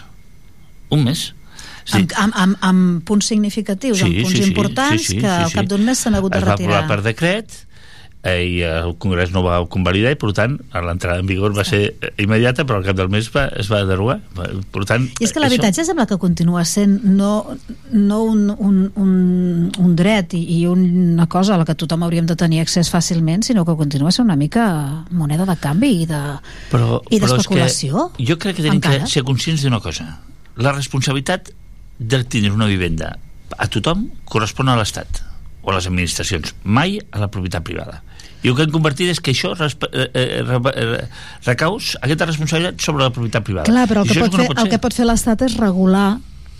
A, a, a, clar, i ho regula de fet d'aquesta manera. Te diu, sí, sí, mm, tu fes el que vulguis i tingues els habitatges que vulguis però fas que, si en tens més de 5 fas que, clar, l'Estat ja regula I, I a més, si hi ha una persona que necessita una vivenda perquè no la té no té per què ocupar una vivenda d'un Com està el tema de les ocupacions? Perquè d'això se n'ha fet campanya, se n'ha fet alarmisme i, i, i el tenim i no tenim problema. Molt A- amb, malament amb la està. llei, amb la llei, eh? Molt malament, molt malament. En aquests moments estan suspesos els desnonaments fins al 31 de desembre. Eh, eh, jo repeteixo, el dret a la propietat privada és un dret reconegut a la Constitució espanyola, igual que el dret a la vivenda. Bueno, no comparteixo aquesta idea, el dret a la vivenda no és un dret, eh, per tant no hi ha un conflicte de drets, però però sí que és una necessitat que té l'Estat d'autorgar una vivenda digna a tots els ciutadans, però no al propietari. És dir, les ocupacions generen una inseguretat jurídica enorme cap al titular d'una vivenda sigui qui sigui perquè eh, quan diem, bueno, sí, però és que els, bancs, bueno, els bancs eh, es ocupen les vivendes dels bancs, molt bé però qui causa les qui rep les conseqüències d'aquestes ocupacions són les comunitats de propietaris, els veïns, perquè el 80% de les ocupacions no són ocupacions necessàries. I llavors aquest és el greu, greu problema. Les entitats financeres, mira, és un altre tema d'aquells que, ostres, ja fa temps que l'arrosseguem, els bancs com a, com a tenedors d'aquests pisos, doncs, bueno, que allà estan, eh? Uh, aquesta llei aclareix una mica més aquest punt, la responsabilitat no, que tenen els, les entitats financeres no, o no? No, no, no, jo crec que això no soluciona res. Els bancs segueixen sent com a grans tenedors, eh, no podran desnonar, no podran fer una sèrie d'aspectes, però no soluciona el problema és que no, no estem entrant al, al fons del problema. El fons del problema és que l'Estat té que, l'Estat, les administracions, qui sigui, té que fer vivendes socials, té que treure vivenda al mercat i té que assumir aquesta responsabilitat, igual que assumeix la, la, la, la, les pensions i, i fa un, una, una caixa per les pensions, té que fer una caixa per les vivendes i té, té que ser l'administració que suporti això. No pot ser que, que, que sigui el particular que estigui assumint això. Sigui eh, un individual o sigui una societat. És que, al fin i al cap, és el mateix. Pel que dius, aquesta nova llei d'habitatge no sembla que hagi de fomentar massa el, per un propietari el posar el pis a disposició de lloguer. No. Que seria una de les, una de les mesures recomanables, no? Hi, ha- hi ha molts, mo, el, aquesta llei fa moltes coses, fa limitacions de rendes, etc etc que creiem que això no és bo. És dir, el mercat s'ha té que autorregular i no hi ha més, cosa més clara que si tu treus molta quantitat al mercat, el preu baixa. Això és claríssim. I, i, i, i això és el que, eh, repeteixo, eh, una política de vivenda conjunta de tots els partits polítics amb un consens, això és el que tindrien que fer Eh, en tots els aspectes. No podem eh, regular per un costat el lloguer, per un altre costat la construcció, per un altre costat... Crec que la vivenda és... Tenim que abarcar el totalitat del tema de la vivenda amb una, eh, amb, amb una eh, pacte d'estat on quedi ben regulada tota i que tothom estigui d'acord. I que, i que ho fundamental que defensem els drets del llogater i que defensem els drets del propietari. Tots, tots tenen eh, eh, tenen eh, eh, els seus drets tenen que ser, eh, ser garantits. No només uns, tots Això es fa especialment també difícil, eh, l'aplicació de la llei, eh, o s'ha de tenir eh, especial cura en aquells llocs eh, que en diuen eh, d'habitatge tensionat, com seria Tarragona, no? que Tarragona ha estat declarat així. sí, sí, sí, sí, sí. Vosaltres ho noteu a nivell del dia a dia? Bueno, és que eh, jo que, eh, eh, eh, per sort per desgràcia el món no, no, quasi tot està inventat eh, la regulació dels mercats està en molts països i en molts països l'han retirat perquè no ha donat resultat eh, eh, si, L'intervencionisme aquest, no? De, Ah, si de regular limites- el preu, per exemple, a tope. si tu limites, doncs el propietari no el treu el lloguer. Ja està. Si jo, amb el lloguer que tinc que donar, no puc eh, cobrir els costos que té la seva amortització, la seva hipoteca, els gastos de comu- comunitat de propietari, etc etc, doncs per què el llogo no el llogo? Per on començaríem? Per on començaria aquesta llei ideal eh, i duradera? Potser per fer una bossa, no? un calaix de dir, escolta, doncs, on no... si vull que els lloguers baixin, doncs l'Estat paga part d'aquest eh, lloguer. Seria una Que, solució. de fet, ja es deu fer en incentivar casos, eh, polítiques eh, fiscals. Eh, eh, hi ha moltes maneres de fer-ho. Jo no, no sóc un expert en aquest tema, però crec que si ens sentem tots, totes les parts, si ens sentem i, i, i ens sentem mirant el futur de, de, de, del tema de la vivenda, jo crec que serien capaços de buscar una solució bona. Uh, ara que dius això, que us han tingut en compte els administradors de finques a l'hora de fer la llei? No. Va. Però sí ens han reconegut, eh? Sí ens han reconegut Què vol que dir això... aquest reconeixement que està a la llei? Bueno, Què implica per vosaltres? Molt, molt. Implica que som agents reconeguts, que som una professió regulada i que està establerta dintre de la pròpia llei i que estableix les seves funcions i qui pot exercir i qui no pot exercir administrador de finques. Vale. I, i, I deixa clares quines són les vostres funcions, obligacions... De... Bueno, més o menys, Bueno, de, de, de, d'ells que té que tenir la titulació i qualificació necessària, etc etc. Vale? És, Molt bé. eh, Però que hi havia que una intrusisme, responsabilitat en sí. aquest sentit, hi havia intrusisme en, en Sí, sí, sí, eh? sí, sí, sabia. sí, sí, sí. I, i, estableix que l'obligatorietat de tenir un, un, un, un, un seguro de caució i de responsabilitat, responsabilitat civil, que tots els col·legiats ho tenim, perquè per, per mero fet d'estar col·legiat ja tenim aquesta, aquesta garantia, i, i, bueno, i, i jo crec que aquesta part és, ha sigut molt important. Eh, eh, portàvem temps intentant que alguna llei reconegués eh, això i, i al final ho hem fet. Que marxeu de vacances, els administradors de finques. No. Perquè ara a l'estiu també hi ha problemilles, eh? D'estiu, temes típics d'aquestes èpoques. No marxem de vacances i a més, eh, segons quins encara tenen més feina que mai les comunitats de costa són De costa, no? ara són realment És estan amb el món. seu bullicio És un altre món, i em sembla.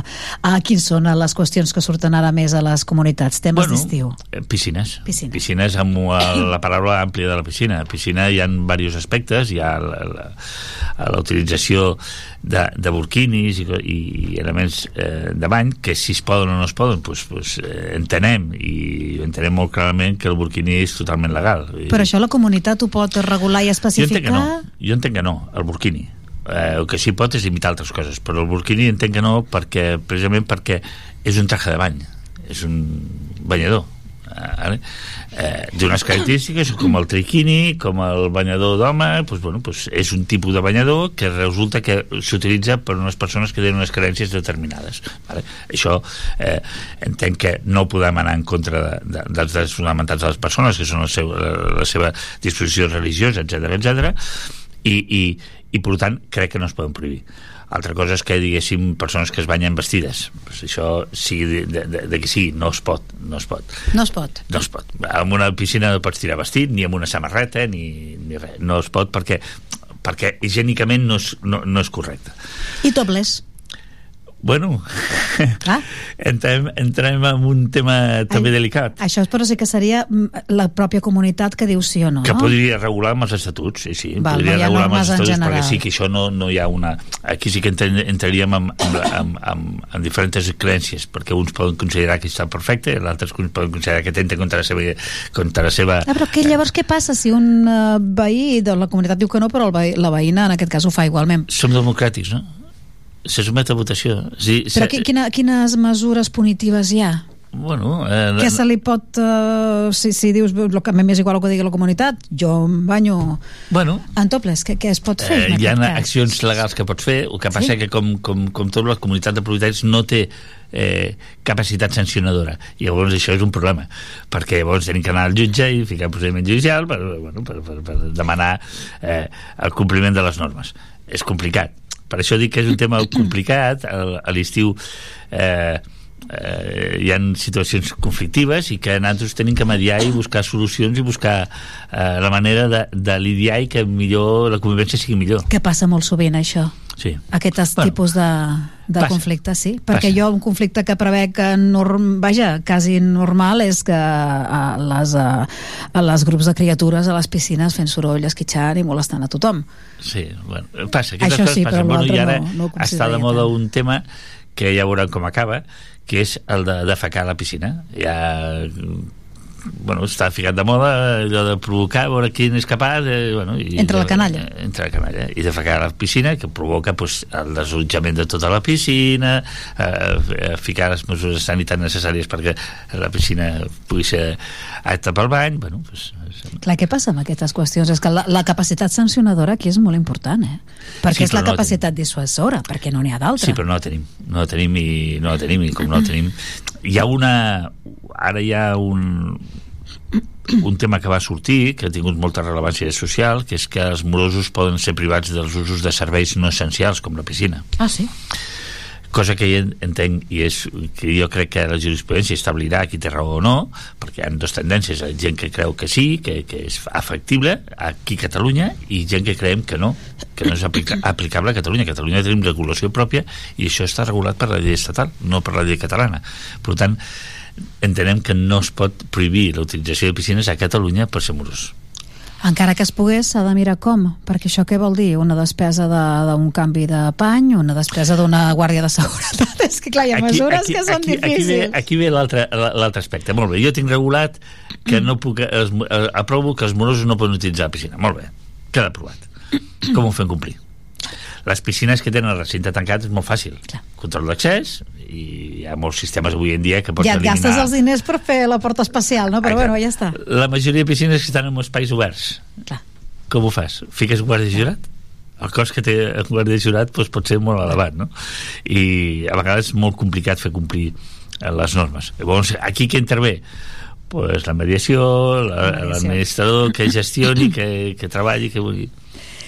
Eh, festes d'estiu, festes en terrats, balcons, cases amb les eh, finestres obertes, aquells patis d'interiors on no dorm ningú, quan a més el problema o el soroll el fa la comunitat veïna, que ja no és que tu vagis al teu administrador i li diguis me passa això amb el veí, és que és dos edificis o més que t'ho enllà... fa, o que t'ho fa uns senyors que l'endemà ja no hi són. Però és un apartament turístic També. i l'endemà ja han marxat. Com eh, lliguem a tot això? Entren administradors? Eh, mm, clar, que ja entren en, en Sí, joc a intentem- vegades edificis diferents. Intentem tindre col·laboració, intentem eh, vetllar per tot això, el que passa que és complicat, és molt complicat quan, quan moltes vegades, el que deia, no? pues normalment les festes la fan el dia final, la festa més grossa.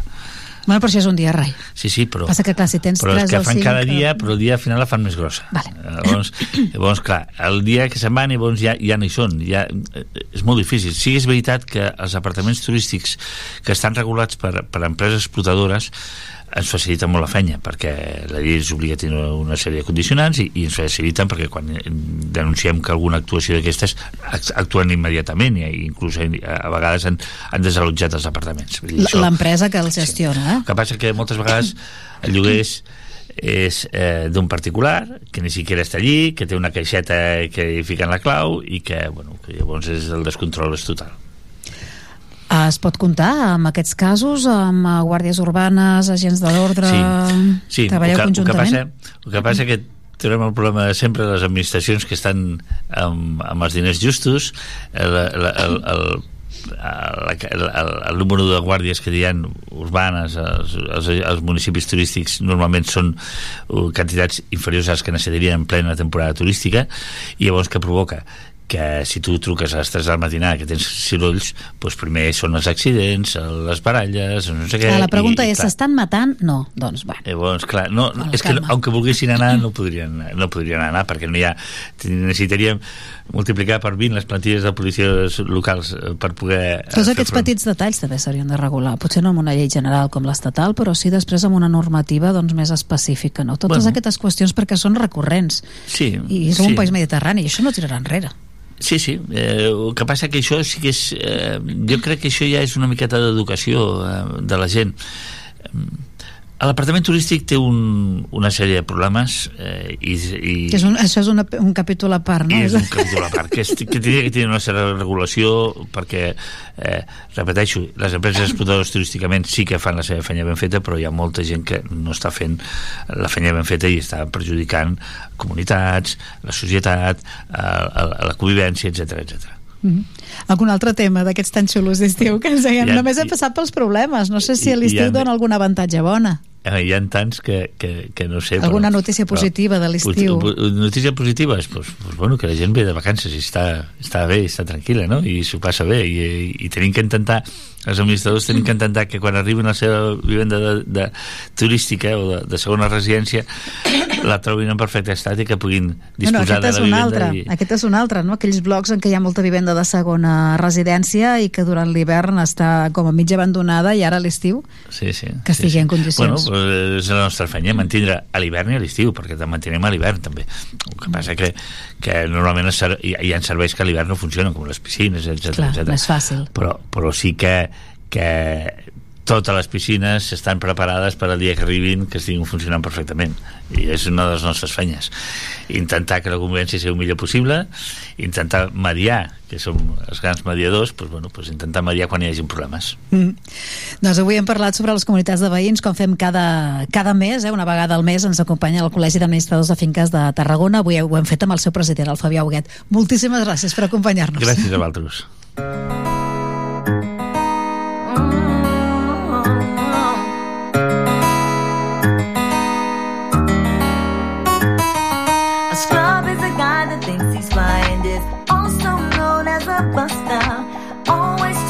what he wants and just sits on his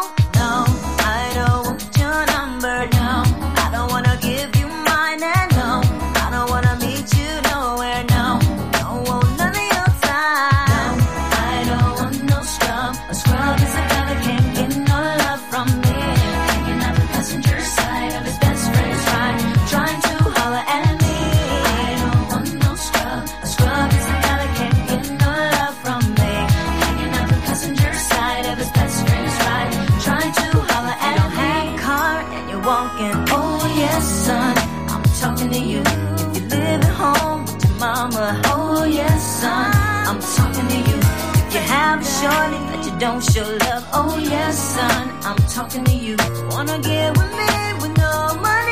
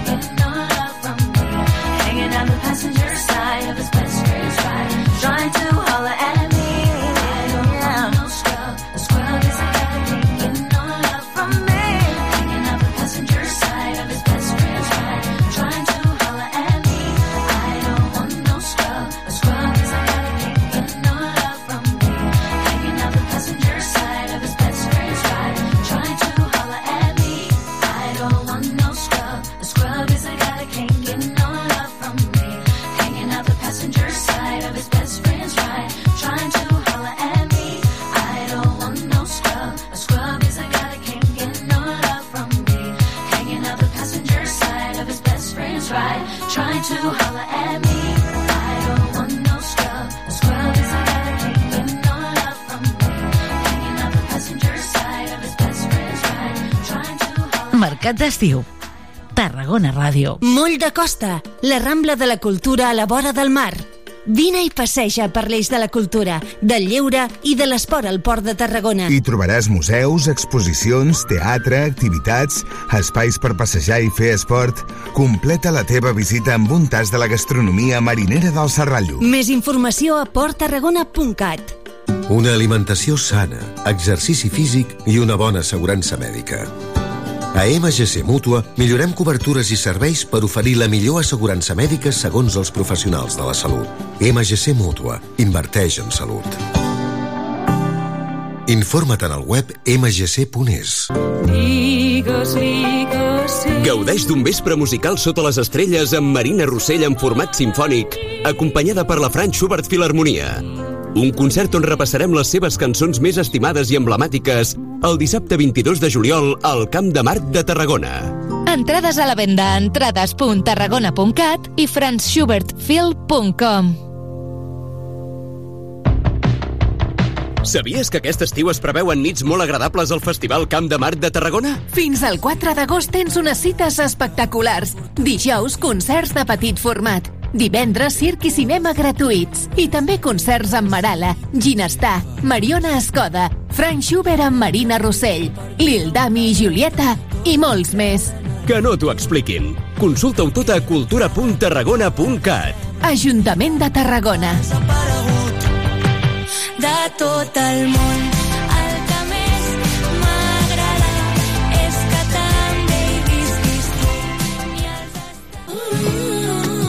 ¿Te gusta lo nuevo de India Martínez? Disfrútalo en directo este 15 de julio en la Pobla de Mafumet.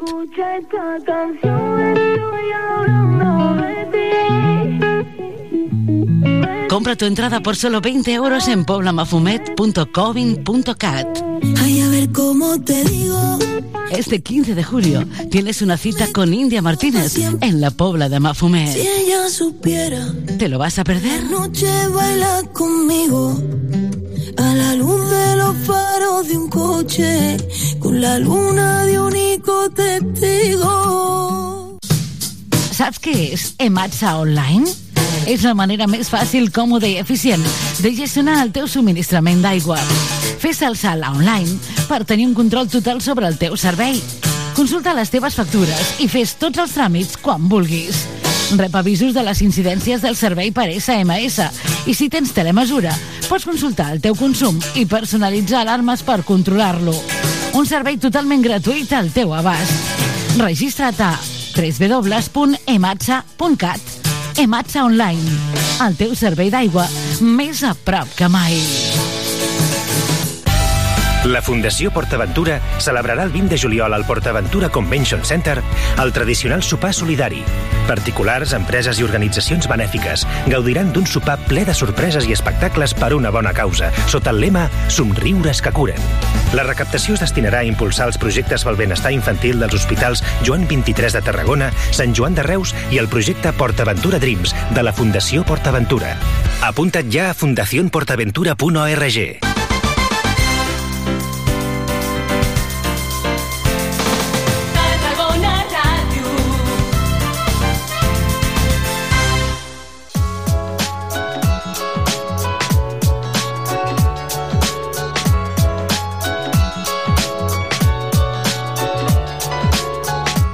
Encara durant aquest mes de juliol tenim Espai Caixa Fòrum, ja sabeu, els dimarts a partir de les 12. Un espai, el de Caixa Fòrum Tarragona, en què, bé, encara tenim tema, perquè se succeeixen les activitats, ara sí, més familiars, més adreçades a vegades doncs, a, a esplais, a casals, hm? i això amb un caire lúdic, però molt, molt educatiu encara. Ens referim a una activitat que tindrà lloc per al públic en general el dimarts dia 18 i el dijous dia 20 de juliol. Això és la setmana vinent. Es diu el Passeig Ideal i és un taller que va a càrrec de la Irene Visa, a qui ja saludem. Irene, bon dia. Hola, bon dia. Bon dia. La Irene, presenta't una miqueta, home. Qui ets, Irene? Que em sembla Doncs que... mira. Digues, digues. Jo sóc, sóc de Banyoles i, i fa uns anys que visc a Barcelona i estic fent aquest taller que acabes de presentar a Girona, Lleida i Tarragona. Tarragona serà l'últim lloc per on passaré, o sigui que estarà al taller ja molt rodat i espero que vagi perfecte. Ets artista, Irene. Sí. Uh -huh. Sí? Uh, artista, però de, de, quin, de quina branca? Doncs jo sóc artista visual. La veritat que tinc formació com a escultora, però sempre m'he dedicat més a, a un art potser diríem més conceptual i, i menys matèric. Mhm. Mm, Val, i ara ens proposes un taller que té a veure amb tot això, però a més com amb una distribució espaial, també? Es diu el Passeig Ideal. Sí, cada any el uh, Caixa Fòrum de, de tot el país eh, proposen un tema i aquest any era el tema de, de passejar. I a mi em va semblar interessant doncs, poder comentar amb els participants del taller sobre l'espai públic, no? sobre els passejos sí. que hi ha a la seva ciutat. Intentar veure quina planta tenen aquestes rambles o aquests passejos i poder-hi dibuixar a sobre totes les coses que ens agradaria que hi haguessin, no? com una espècie de, pues això, un passeig ideal, com totes les coses que voldríem. Aquesta és la primera part del taller que, que consisteix doncs, en això, en reflexionar sobre l'espai públic, en pensar com compartir-lo, i llavors hi ha una segona part on intento empoderar una mica els participants i les participants a que facin una pancarta amb un desig de transformar aquest, aquest lloc, no? En cada lloc on vas, amb els diferents queixafòrums, treballes amb carrers o avingudes, passejos reals que hi ha a la pròpia ciutat? Sí, exacte. La idea és aquesta, que a la Rambla de Girona, doncs això, Rambla de Llibertat, vam treballar sobre aquest eh, terreny. A Lleida estem fent la Rambla de Ferran, Sí. i a Tarragona farem la Rambla Nova, que és justament la que és la cantó de Caixa Fòrum, o sigui que la tindran molt present quan entrin a fer el taller. Mm. Però treballeu in situ, aneu a passejar per aquests espais i us aneu fixant en les coses o treballeu amb imatges?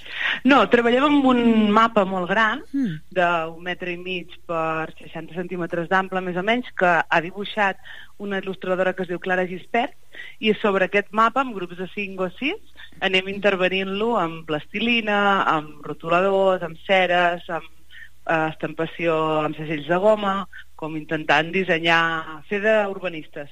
Val. No és que agafeu la fotografia de l'espai en si, sinó que el feu de nou.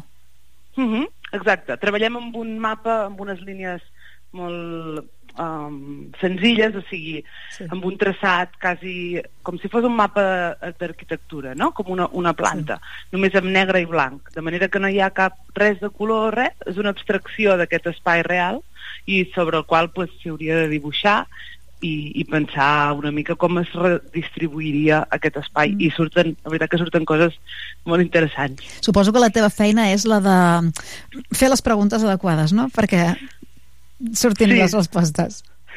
Sí, total. Sí, intento això, com posar sobre la taula uns temes que ells puguin desenvolupar i, i fer les preguntes no només adequades, sinó de la manera que, que crec que els hi pot arribar més, no? Per exemple, eh, jo me n'adono que els participants que he tingut ja amb l'any passat que també vaig fer un taller sobre un tema semblant, quan els hi preguntes sobre els seus desitjos o sobre el que volen, a vegades els hi costa eh, entendre què és el que ells volen i què és el que els hi han dit que han de voler, no? I... Què vols dir? Què vols dir?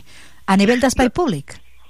Bueno, en, en, en totes les coses, no? A nivell d'espai d'espai públic, però l'any passat preguntava quin, quin superpoder t'agradaria tenir, no? Ah. I en general, bueno, jo sento que passa que necessiten, les criatures necessiten temps per entendre que no han de respondre allò que, que és com l'obvi, no? Per exemple, volem que ningú tiri papers a terra, no? Això és una cosa que, sabem, que sap tothom, no? Però un infant segurament té algun desig més fort. Potser vol, doncs no ho sé, que hi hagi gossets mm, públics per eh, passejar, no? Potser és una cosa una mica més mm, Clar. imaginativa, no? Però en general sempre se'n van a allò que de manera repetitiva, no? Els han dit que, que és el que han de voler, no? Que és el que la pau, els papers a terra, no? I jo crec que cal buscar una mica més el fons del desig i de, i, de, i això, no? I de ser una mica més imaginatius. Què et demanen? Clar, tota l'estona hem donat per suposat, per entès que és una activitat adreçada als eh, nens i nenes eh, o en tot cas familiar, veritat? Mm. Sí. Eh, Què et demanen? Algunes de les coses que per les quals allò seria un passeig ideal per ells. Tu has Sí. fet ja portes tallers fets, que alguna cosa que t'hagi sorprès? Mira, avui mateix fa una horeta, encara estava fent l'últim taller d'avui, i, per exemple, m'han demanat un, que hi hagués platja a Lleida. Oh, que hi clar. hagués mar. Clar. I llavors he pensat, doncs, clar, bueno, o sigui, per què no? Eh, no sé, també a Girona sortien també coses interessants. Una vegada en un taller va sortir que volien un laberint per trobar la paciència. I vaig pensar, oh. no? quina, quina meravella. Que guai. S'ha d'insistir una mica per, per deixar de banda aquestes coses, com et deia, no? òbvies, i de cop surten coses eh, bueno, per, que per mi són xulíssimes. I al final es fa una creació col·lectiva en què, mira, doncs allí hi ha un tros de platja, a l'altre costat del passeig hi ha un laberint, no? I es crea, es crea una barreja. Sí, intentar també pensar en tot allò que no són éssers humans, no? Com doncs, els animals, les plantes, com... O sigui, tu te n'adones que si serveixes bé els elements que, que, amb els que es pot jugar, no? si amplies aquest camp d'imaginació, surten coses molt xules. I també és, és un taller interessant perquè els adults que hi participen jo crec que moltes vegades estan en una situació semblant a la de els infants, no? que Clar. si ens dius què vols potser que direm coses mm, com avorrides, no? Però si ens deixes una estona, també ens passa això, no? Que comencem a entendre el que realment volem. Uh, és un taller adreçat a primera infància, veig per aquí, a nens i nenes a partir de 5 anys?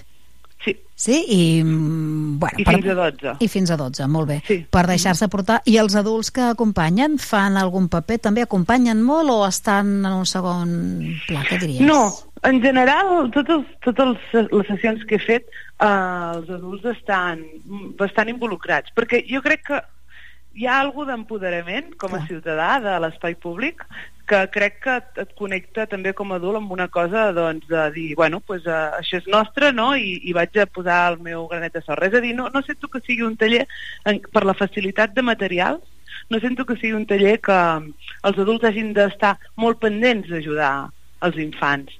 Llavors tenen temps ells i, i espai per poder també ser creatius. De fet, si puc, a vegades fins i tot faig una taula d'adults perquè veig que hi ha interès, saps? Com a pensar i... Clar, i també entra en aquest món una mica més, més de pensament lliure, no? Més d'imaginatiu que normalment doncs, no, no ens plantegen aquestes qüestions. Sí, sí, jo crec que és interessant el pensament lliure que tu dius, la, la, la cosa aquesta abstracta del desig i de l'espai, però també té una cosa que crec que també s'ha de re- de reivindicar, que, que els tallers en els que es fan coses amb les mans, com sí. dibuixar o plastilina, donen molt de gust també, perquè Clar. com que sempre estem en un món mental, de cop haver de fer coses, d'haver de pintar i haver de tocar materials, jo crec que també és, un, és molt agraït. Mm -hmm. Bueno, doncs això és el taller que ens proposa la Irene Visa, serà les, en, en obert, eh, perquè després és un taller al qual hi accediran alguns casals d'estiu, vull dir que més d'un nen arribarà a casa i dirà avui he anat al Caixa Fòrum i hem fet això, però si voleu anar en plan, bé, en plan lliure, diguem-ho així, amb la família o amb grups d'amics, ho podeu fer, mireu, dimarts, dijous i dijous 20, uh, perdoneu, dimarts 18 i dijous 20 de juliol a dos quarts de set, això si reserveu perquè van que volen les places. Irene, i tu què fas de normal? Perquè estic veient per aquí que ets artista resident, llegeixo al Centre d'Art Santa Mònica, que has exposat a la Fundació Miró, al Festival Grec, que fins i tot has eh, coescrit una, una peça de teatre. Sí, de... Vinga. Eh, bueno, la vida d'un artista doncs és això, no? O sigui, tinc la sort de que he estat dos anys com a artista resident al Santa Mònica eh, amb, amb, un, amb una residència que es diu Residència de Mediació que, que es tracta, és una cosa experimental que, va, que és una proposta bastant experimental de mediació amb els continguts que ja hi ha en el propi museu i he estat eh, pues, molt a gust durant aquests dos anys i també pues, sí, he coescrit tres obres de teatre amb, amb en Pau Massaló, que és el director, la última eh, sobre la fi del petroli, amb, amb col·laboració amb el Teatre Lliure de Mhm. Barcelona. I sí, eh, l'any que ve treballaré en residència, que és un programa amb adolescents a Barcelona que, que in- incorpora un artista eh, en un institut durant tot l'any i un cop a la setmana doncs fem mm, dues hores de... No, no és una classe, sinó que és un procés d'experimentació en grup en relació al, a la meva obra Mm. i en el que jo faig. Jo sobretot treballo... Um, M'agraden molt les coses que no es veuen. En general és la meva especialitat. Les coses que no es veuen. Sí, m'agrada molt totes les coses que assenyalen que ha passat alguna cosa abans. I mm, potser també per això aquest taller que faig també d'alguna manera potser té a veure, perquè bueno, crec que les, les rambles i els elements que hi ha en una rambla i en l'espai públic assenyalen molt com és una societat, no?, d'alguna manera. O sigui, no t'estan dient com és, però tu notes, doncs, que, que li agrada aquella societat. Això és com quan viatges i vas al supermercat. Viatges a Exacte. països estrangers i vas al supermercat i flipes. I allò et diu molt de, de, no, del que compren i mengen en segons quins llocs t'explica molt. Sí. Total, i no t'estan dient res, només tenen Sí, clar. set marques més de Kellogg's i tu Clar. ja tens pues, que esmorzen fora.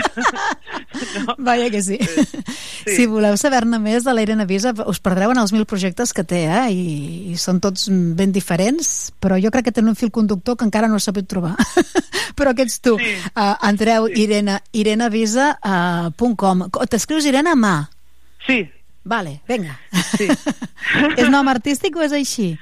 És un nom artístic. Vale. Sí. pues Irene, amb A, uh, punt .com i allà trobareu doncs, les cosetes que, que han anat fent. Amb què et quedes de tot això que tenim a la web? Què diries que et representa? Doncs ara mateix em representa molt el, el projecte... O sigui, jo, tra jo treballo amb el que es diu investigació artística o recerca artística i tr treballo en espais molt grans de temps sobre un tema, no? Sí. Em vaig dedicar doncs, quatre anys a treballar sobre els indicis en l'arqueologia. Abans Mhm. me n'havia passat vuit amb els indicis en la natura. I ara estic en un projecte que em fa molta il·lusió, que és com la recerca d'un fil d'aigua que connecta el, el sòtano, no sé com es diu sòtano ara en català. Al soterrani, això. El soterrani del Liceu amb les fonts de Montjuïc. Estic, ja he rebut uns diners um, de la Generalitat per fer una recerca sobre aquest tema i com hi ha un fil d'aigua que no es veu, no? una altra vegada les coses que no es veuen, um, que connecta aquests dos Mm. punts de la ciutat i, i, que, i que el seu origen és un llac de l'època neolítica. I a partir d'aquí, doncs, fa temps que estic eh, investigant això, com puc explicar això d'una manera artística o d'una manera eh, Mm. bueno, creativa.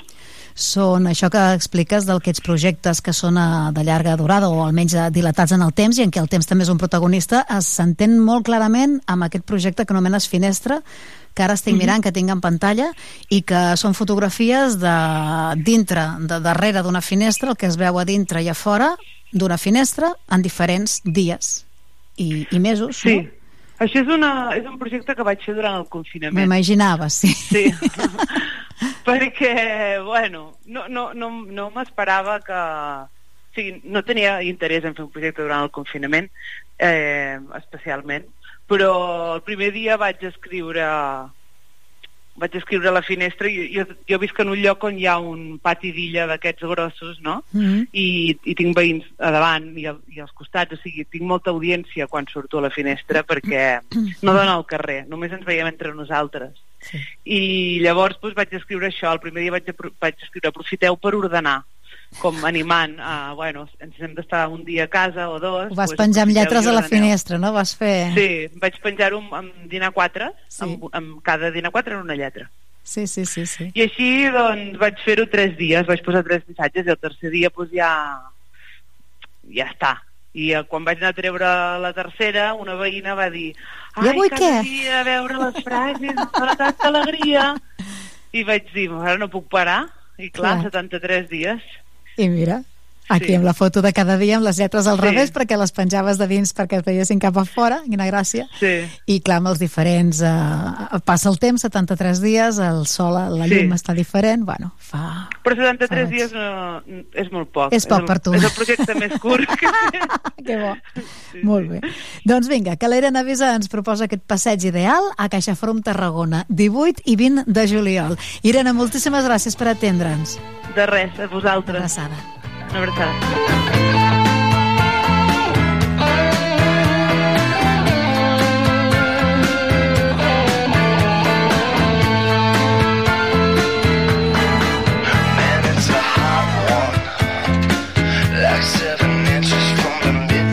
És el Corazón Espinado, em sembla, eh, del Carlos Santana, amb el que tanquem la, la selecció musical d'avui, tanquem el programa, el Mercat d'Estiu, i la selecció musical en què avui hem passejat per als top hits, per als grans èxits número 1 de l'any 1999.